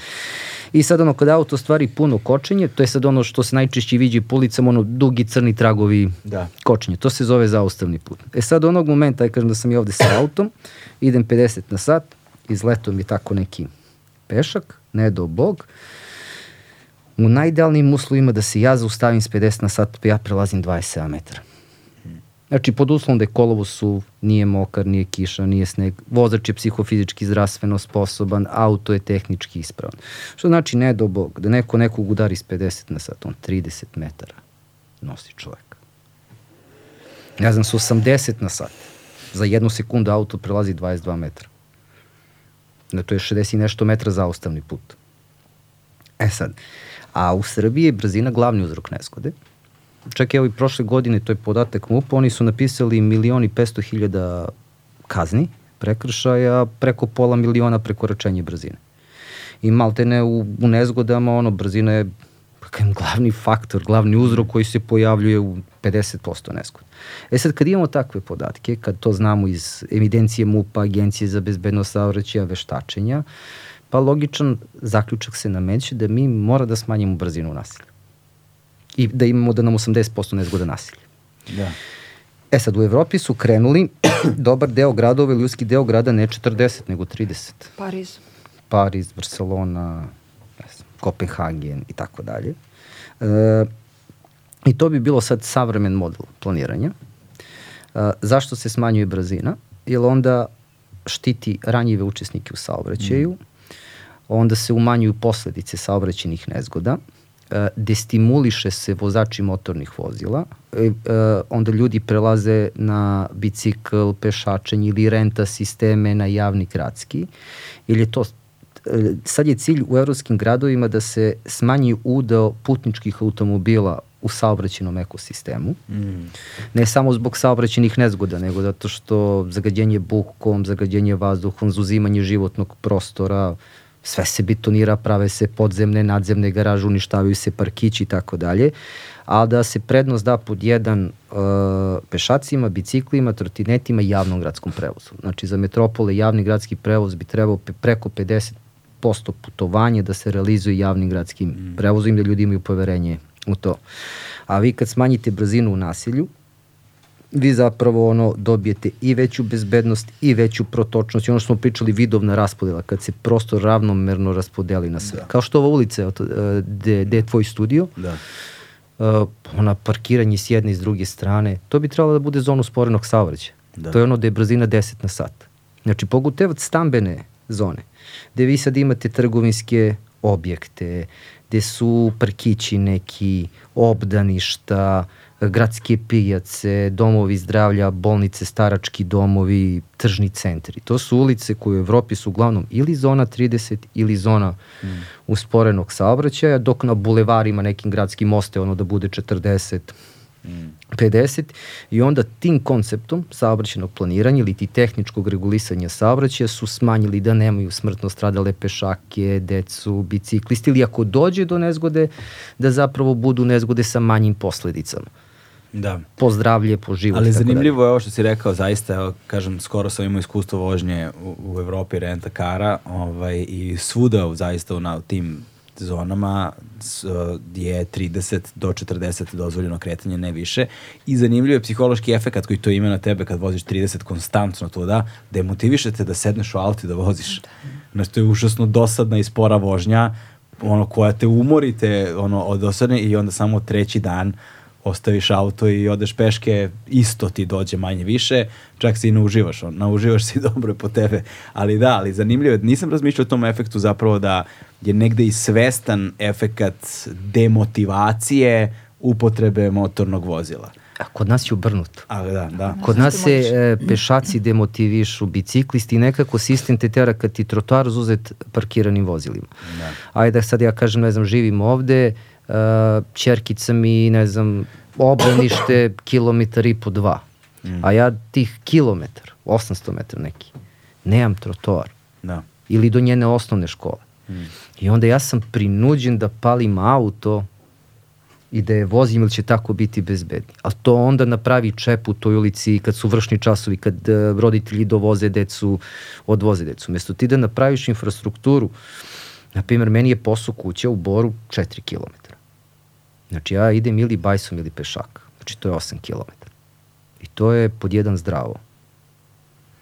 Pod dva, tako su i nastali svi tekstovi da. koje sam, koje da. sam, e baš mi oduševio tvoj prethodni gost kad je da. pričao o, o, šetanju, o, da, Srđan Veljarović. Da, da, o šetnji i tako dalje, ali nekako od malena smo naterani da moramo da budemo u motorni auto. Sad naravno ljudi od brige i straha pa voze decu, a drugo iz neke lenjosti, neke te ustaljene navike, ali uglavnom to je uslovljeno time da ti nemaš infrastrukturu koja bi te podržala da voziš bajs, da ideš pešaka, da. prinuđen si na tako nešto. E sad onda ljudi kad su kapirali u Evropi da, da zapravo javni gradski prevoz i oni renta sistemi, mm -hmm. znači renta bajka, renta trotinet, zapravo mnogo pozitivno tiču na saobraćeni ekosistem, ili ja izađem ispred zgrade, stanica javnog gradskog prevoza, bacimo u centar, tu imam rentar sistem za nekih 500 metara, da. kilometar, dva, da ja trotinetom ili biciklom dođem, ostavim, provučem se kroz ulice koji su zona usporenog saobraćaja, da. zona 30, znatno sam bezbedniji i to je to. Da. A utiče i na zdravlje ljudi, a i na ekonomiju. I, Pošto vrat usput ti nešto kupiš. Pa ne, ne da, e, mislim ima, na kraju krajeva, jeste, šta? Znaš. Ima dobar rad, to sam čitao pre dve godine, gospodin se zove Alan Ross uh, iz Londona, dakle moj kolega, Uh, on je baš u Londonu radio te, uh, gde, su postavili te, te ulice, zona 30, zona usporenog saobraćaja, da se razvila trgovina, da uh, gledaju taj aspekt koliko je sad uticalo ovo što si rekao na ekonomiju i na privredu tih kvartova. Znači, pojavili su sajti firme, piljarice, prodavnice, jer ljudi idu spori, idu pešaka i imaju potrebu da razgledaju, da tu ostavljaju novac, da kupuju proizvode koji im trebaju, tako da to ne utiče sad samo na bezbednost saobraćaja. Povećava, mislim, bezbednost saobraćaj, nego utiče i na ekonomiju i privredu tog naselja, te ulice, tog kraja. Ali to je, eto, na primjer, tema da on čovjek nije došao i objavio rad na našoj međunarodnoj konferenciji. Mi ne bi znali da taj čovjek postoji. Da. Sva sreća, eto, moj profesor ga je dovao da on drži predavanje ne iz sfere saobraćaja, nego ajde kako saobraćaj u tim nekim mm. saobraćenim planiranjima utiče i na privrednu ekonomsku delatnost. A ujedno je to i bezbednost saobraćaja i tako dalje. A kod nas je to tabu tema i na medijima, u naučnim krugovima. Ja, mediji su, mediji su, mediji su tema za sebe. Da. Ovaj, ovaj, polako se približavamo kraju, pa želim da vas pitam samo pre, pre nego što završimo, pošto sve vaše kontakte, Instagram, Facebook, YouTube stranicu, imate sve, sve mreže imate, ostavit ćemo u opisu epizode, tako da ljudi mogu da vas kontaktiraju. Ono što mene lično zanima, ovaj, pre nego što vi kažete ako imaš nešto važno da se pomenu, mislim ima puno toga, ali nešto što bi zaokružilo ovaj razgovor, ono što mene zanima jeste ono, mislim to je nešto čemu smo mi razgovarali malo, to nepostojanje podrške, ovaj, potpuno odsustvo zapravo podrške sistemske bilo kakve, a onda i ostalih. Ovaj, um, I to primoravanje vas da se udružite, dakle, udruženje ovaj, roditelja dece stradalo u saobraćaju. Um, um, da li, mislim sad nezgodno je pitanje, ali, ali, ali me zaista zanima, koliko vam znači to što se uzajamno znači. poznajete, što, što, što, što ste uzajamno u kontaktu, što na neki način, koliko god muka bila nedeljiva i nesaopštiva, ipak imate nekoga sa kime možete da razgovarate. Znači, zato što imamo isto iskustvo i jedna drugoj nećemo reći dete ti je na boljem mestu. Da. Zato što ne postoji ništa gore što neko može da vam kaže dete ti je na boljem mestu. Kakve god namere imao. Imaš drugu decu, fokusiraj se na njih. Takva je sudbina ili neke religiozne stvari, to možda pomaže kod ljudi koji su religiozni, meni ne, ne pomaže. I to su neke stvari koje, recimo, psihoterapeuta ti neće reći, ali će ljudi, ne znajući, da te povrede takvim stvarima. Da. da te povrede takvim stvarima i kad se to ponavlja iznova, iznova, iznova, da prihvatiš to što se desilo, da ne plačeš, da ima tu raznih saveta, uh, ti onda od kulturne osobe koja to ignoriše se pre, konvertuješ se u zver koja bi na takav komentar rekla nešto neprimereno. Da, nagomilava se. Zapravo. Nagomilava se, ovaj, znači i onda kad imamo zajednicu koja, ja je gledam kao zajednicu, jer to jeste zajednica. Uh, prvo što su, što smo imamo validaciju tih osjećanja, to što osjećamo da je normalno da osjećamo. To smo posle vidjeli, to i psihoterapeuti rade, ali u nedostatku psihoterapeuta mi smo jedni drugima nesvesno bili psihoterapeuti. Kad ja popričam sa Vericom i kad ona kaže sasvim je normalno to što si pomisla ili to što uh, kažeš i što uradiš, to sam i ja isto. Onda shvatim da nisam luda, da nisam nenormalna, da nisam otišla paranormalno i da. uh, dajemo jedni drugima savete savete koji će nam pomognu za te krivične postupke. Ja sam gomilu saveta čula od ljudi koji su prošli sve ovo, a uključili su se, e, možeš na tom sajtu da vidiš ovo, možeš imaš pravo, zna, znaš da ti nemaš pravo žalbe? Ne znam. Jel znaš da ti nemaš pravo da pričaš? Ne znam. Jel znaš da će uh, advokat okrivljenog tebe da ispituje? Šta ima mene da ispita? Pa nisam ja okrivljena. A da tvoj advokat ne sme da ispita okrivljenog. I onda taj advokat do, i onda te neko pripremi, jer to je ostanete bez deteta, a onda od, odete na prvo saslušanje i taj neki mladi, ambiciozni ili stari, iskusni advokat dođe i kaže, ste vi edukovali dete kako se prelazi ulica, a? A vi ste tri nedelje pre toga sahranili dete. No, ti treba se kontroliš da ga ne zadaviš preko stola. Mislim, bukvalno, ne znam što drugo da kažem. Da.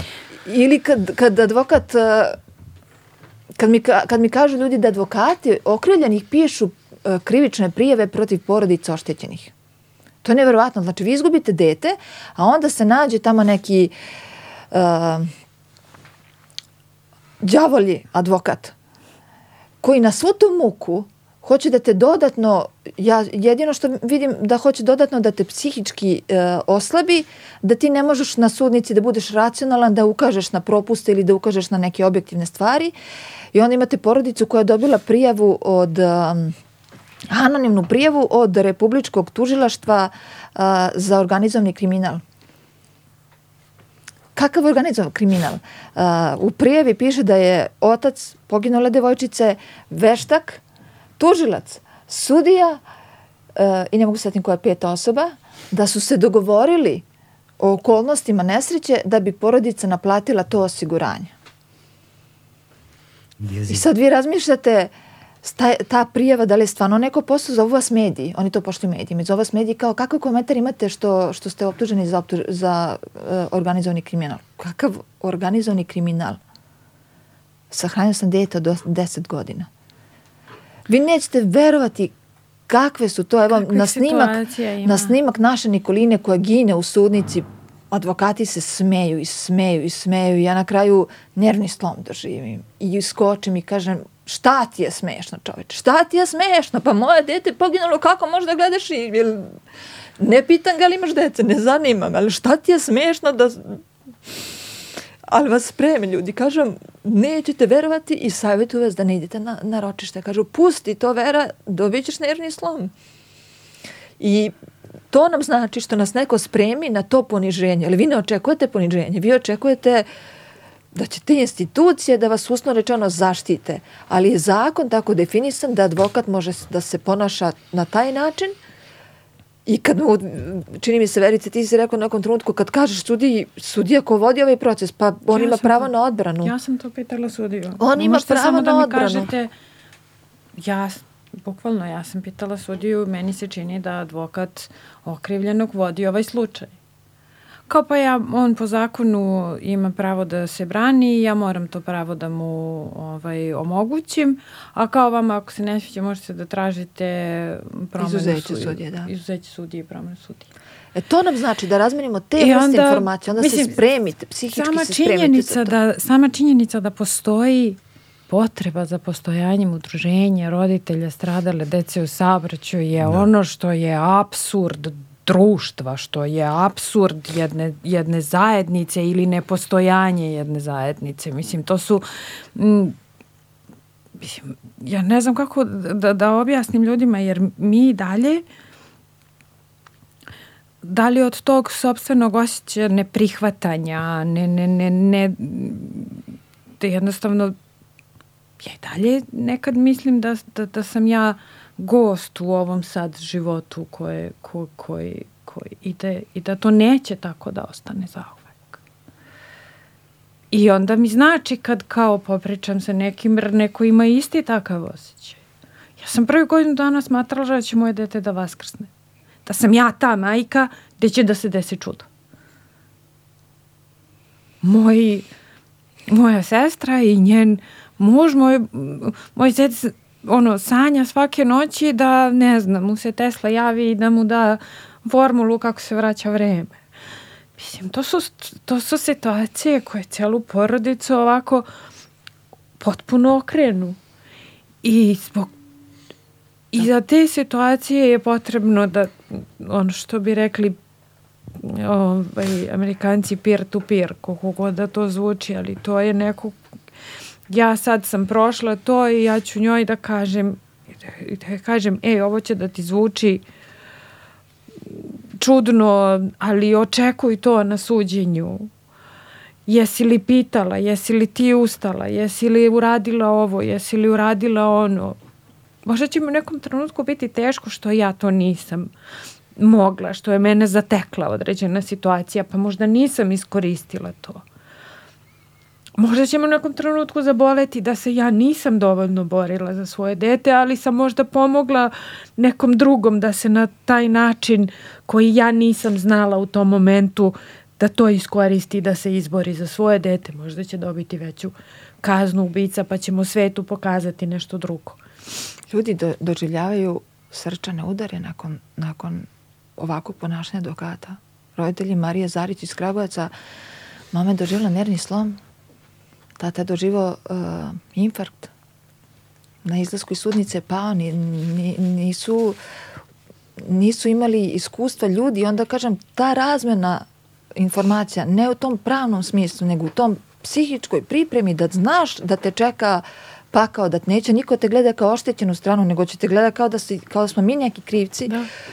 To znači da budeš spreman na to, ali kad si spreman i kad znaš da očekuješ najgore, onda i to najgore kad se desi, ne možeš da se iskontrolišeš i ne treba da se iskontrolišeš. Ali nećeš da dobiješ srčani udar. Možda hoćeš, ali na kraju krajeva bilo je slučaja koji nisu znali šta, šta ih čeka i onda... Da, to je zapravo situacija u kojoj on, savet bukvalno može da ti spasi život. Da, da, da neverovatno, ali... Mislim, ja da. sam, mi smo prošli situaciju da sam ja kad je bila završna reč, mi kao roditelji nemamo pravo ništa da kažemo. Um, naš advokat koji nas zastupa i koji ima naše punomoće ima pravo da, da nešto kaže. ja sam zamolila sudiju da, da kažem, imala sam potrebu da nešto kažem. Ta snaga i ta situacija je, meni je bukvalno čitavo telo ovako podrhtavalo. Ja sam pričala i telo mi se trese, jedina sigurnost mi je bila moj muž koji drži ovako ruku na mojim leđima i kao neka sigurnost koju ja sam bukvalno pala ispred sudnice ne postojao niko sem mog supruga i moje sestre koji su me podigli ali na izricanju presude prvostepene, znači treći osnovni sud u Beogradu uh, ubica je tražio svoje izuzeće ali se pojavilo obezbeđenje za mog supruga i mene. Ka isto nam se desilo. Da ne napravimo neki incident. Znači, da li sam dva sata pre toga mogla da padnem i da imam srčani udar i da izli krvi, ono, šta god da mi se dogodi, toga niko nije interesovalo. Ali da li ću slučajno ja nekog da napadne me, to je već problem. Pa će oni mene da, kao šta, ne znam uklone iz sudnice, uhapse, šta god. Mislim, mi smo svesni da je ako ja polomim nešto sve tu, ono, tu i da napravim neki incident da se ništa neće promeniti. ovaj, uopšte nemam ne, ne, ne znam kako se ovakvi razgovori završavaju. Ovaj, e, to je, a da, sad izvini što samo je ovo, to je ono što, što ja pokušavam kroz ovu psihološku podršku, da okruženje hmm. nauči kako da, šta, šta da kaže. Da mm. ti sad znaš šta da kažeš. Da. Ili da ne kažeš, da, znaš, da ako stegneš nekoga jako za ruku i da, i da on zna da si ti tu. tu Ili da ono, ne znam, e, ja ću ti skuvati kafu. Da. To su neke banalne stvari na koji način možemo mi kao zajednica jedni drugima da, da pomognemo, pored toga što uh, porodicama, što žrtvama, što ljudima koji imaju neke teže posledice uh, treba ukazati pomoć kako da se vrate, kako da nađu drugi način života, jer neko je onesposobljen da radi to što je radio ranije. Porodicama koji su izgubile treba dati taj osjećaj strukture, funkcionalnosti, pripremiti ih za, za sudske procese, da oni budu uh, negde psihički spremni i, i koncentrisani i upućeni šta može da ih čeka, koja su njihova prava, kome da se obrate. Da negde, niko drugi neće. Niko drugi neće. To je ono što mi jedni drugima radimo, a po, treba da postoji sistemska psihološka da. podrška da. koja će koja će to ljudima omogućiti. Da, ja jedino što mogu da kažem jeste da se nadam ovaj, da ovakve teme ovaj, mogu da postanu deo javnog prostora i da može da se kreira neka vrsta javnog interesa koja će da generiše neku vrstu kritične mase, koja će na, izvršiti pritisak na institucije da urade nešto u vezi sa time, jer plašim se da njeno drugo oružje nemamo. Prosto... To smo mi shvatili. Da, da, da. da svako, da ne dođe u našu situaciju, nego da se prepozna da je opasnost prevelika da njegovo dete ili bilo koji član porodice ne. može da strada. Ne. I da iz toga da ne, da ne ćutimo, nego da se borimo za našu bezbednost, kao što se bore ljudi, ja sam skoro gledala snimak u Birmingenu, čini mi se, gde je ograničenje 20 milja na sat. Ljudi su organizovali masovne proteste, zato što je bilo par saobraćajnih nezgoda. Ma to pa su da. masovni protesti, transparenti. Ja kažem ljudi, a kod nas ništa. Kod nas ti svakog dana vidiš da neko dete može da pogine, da svakog meseca pogine. Evo već je desetaro dece do 14 godina poginulo u, u Ove početka godine. Od, od početka da. godine. Ali ono što je najgore što se mi plašimo političara u normalnim i uređenim zemljama, političari se ba, plaše ljudi. Naroda, da. Naroda i kod nas je sve obrnuto, tako da kod nas svakog dana ima neki protest za nešto i kao aha, okej. Okay ne, nebitno je, ono, ne utiče ni na što, niko se ne osvrće, evo, koliko protesta od maja, kao aha, dosadit će mu neki truk. ja bih rekla pomak. Mi smo u petak, petak imali um, prostepenu presudu. I kazna je 8 godina. Od zaprećenih od 2 do 12 kazna je 8 godina. To je tek prvostepena, tek ide posle apelacijani sud. I sad mene svi novinari zovu i kažu, jel ste ogorčeni ili ste besni? Ja ne mogu da im objasnim koliko dece je dobilo, koliko uh, smrtnih ishoda dece je kažnjeno mnogo manjim kaznama. Svi se čude, ne znaju. Ne postoji ta svest kakve su kazne, Uh, ali imamo je taj pozitivan pomak ne za našu Nikolinu. Imamo tri slučaja uh, Damjana Rašević iz Loznice, isto je kazna 8 godina. I za devojčicu Nađu Tasić, šest i po. Ja verujem da su neki ljudi čuli, pošto smo mi toliko po medijima, ja ne znam po kojim sve i mi iz Kragovaca i Vukašin i, i, i Igor, ja više, mislim, pojavljamo se gde god možemo, ko, ko god nam da priliku i ko nam ne da priliku, mi ga jurimo i napadamo da nam da priliku, da, da, zato što stvarno mislimo da i čini mi se postoji taj neki pozitivan pomak i evo sad za nekih dve nedelje očekujemo možda previše očekujemo, ali očekujemo opet sastanak sa ministarstvima da nam konačno kažu kakav je plan izmene krivičnog zakona, zakonika i da shvate da i te sudije čini mi se da su shvatile da vi na ulicu pustate uh, bahate vozače koji ulice na kojima vi šetate. Vaša deca šetaju tim ulicama. Znači, nemoj da sutra tvoje dete strada. Da, Ja, da. ono što pomenjamo poslednjih dana, svaki dan govorimo i o Izraelu i, i terorističkim napadima i Palestini i to. Nama ne trebaju teroristi, nama ne trebaju teroristički napadi. Ima- Imamo teroriste u saobraćaju svakog dana. Ako je u jednom danu poginulo 14 ljudi, nama ne treba teroristički napad. Za sasvim je i previše Da. ovo što se ovo što se dešava a za neku stvar koju možemo da da uredimo i koje, za koju imamo načina da da sprečimo i da uredimo.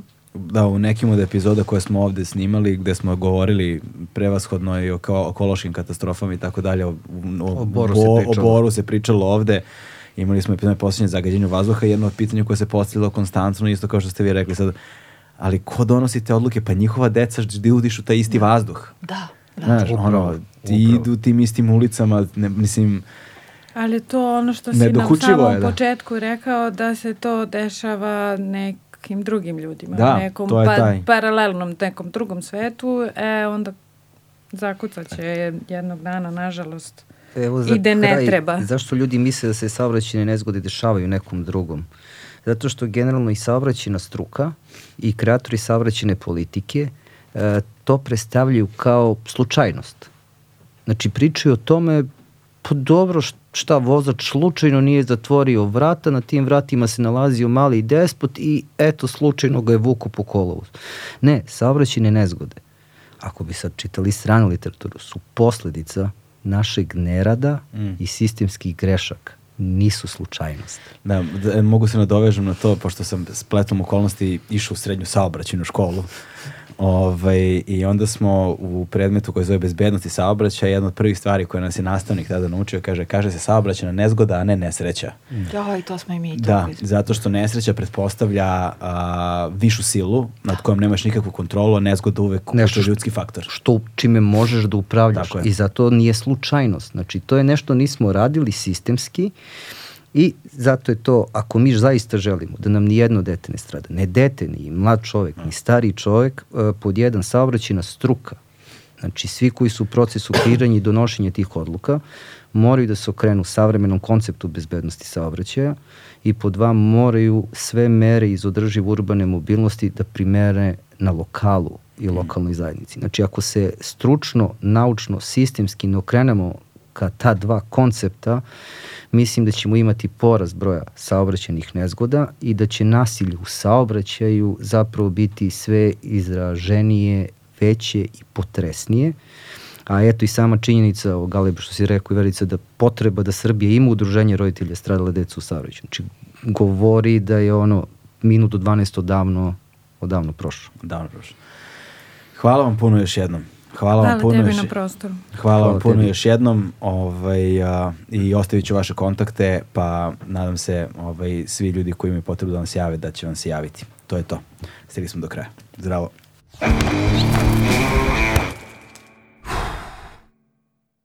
Hmm.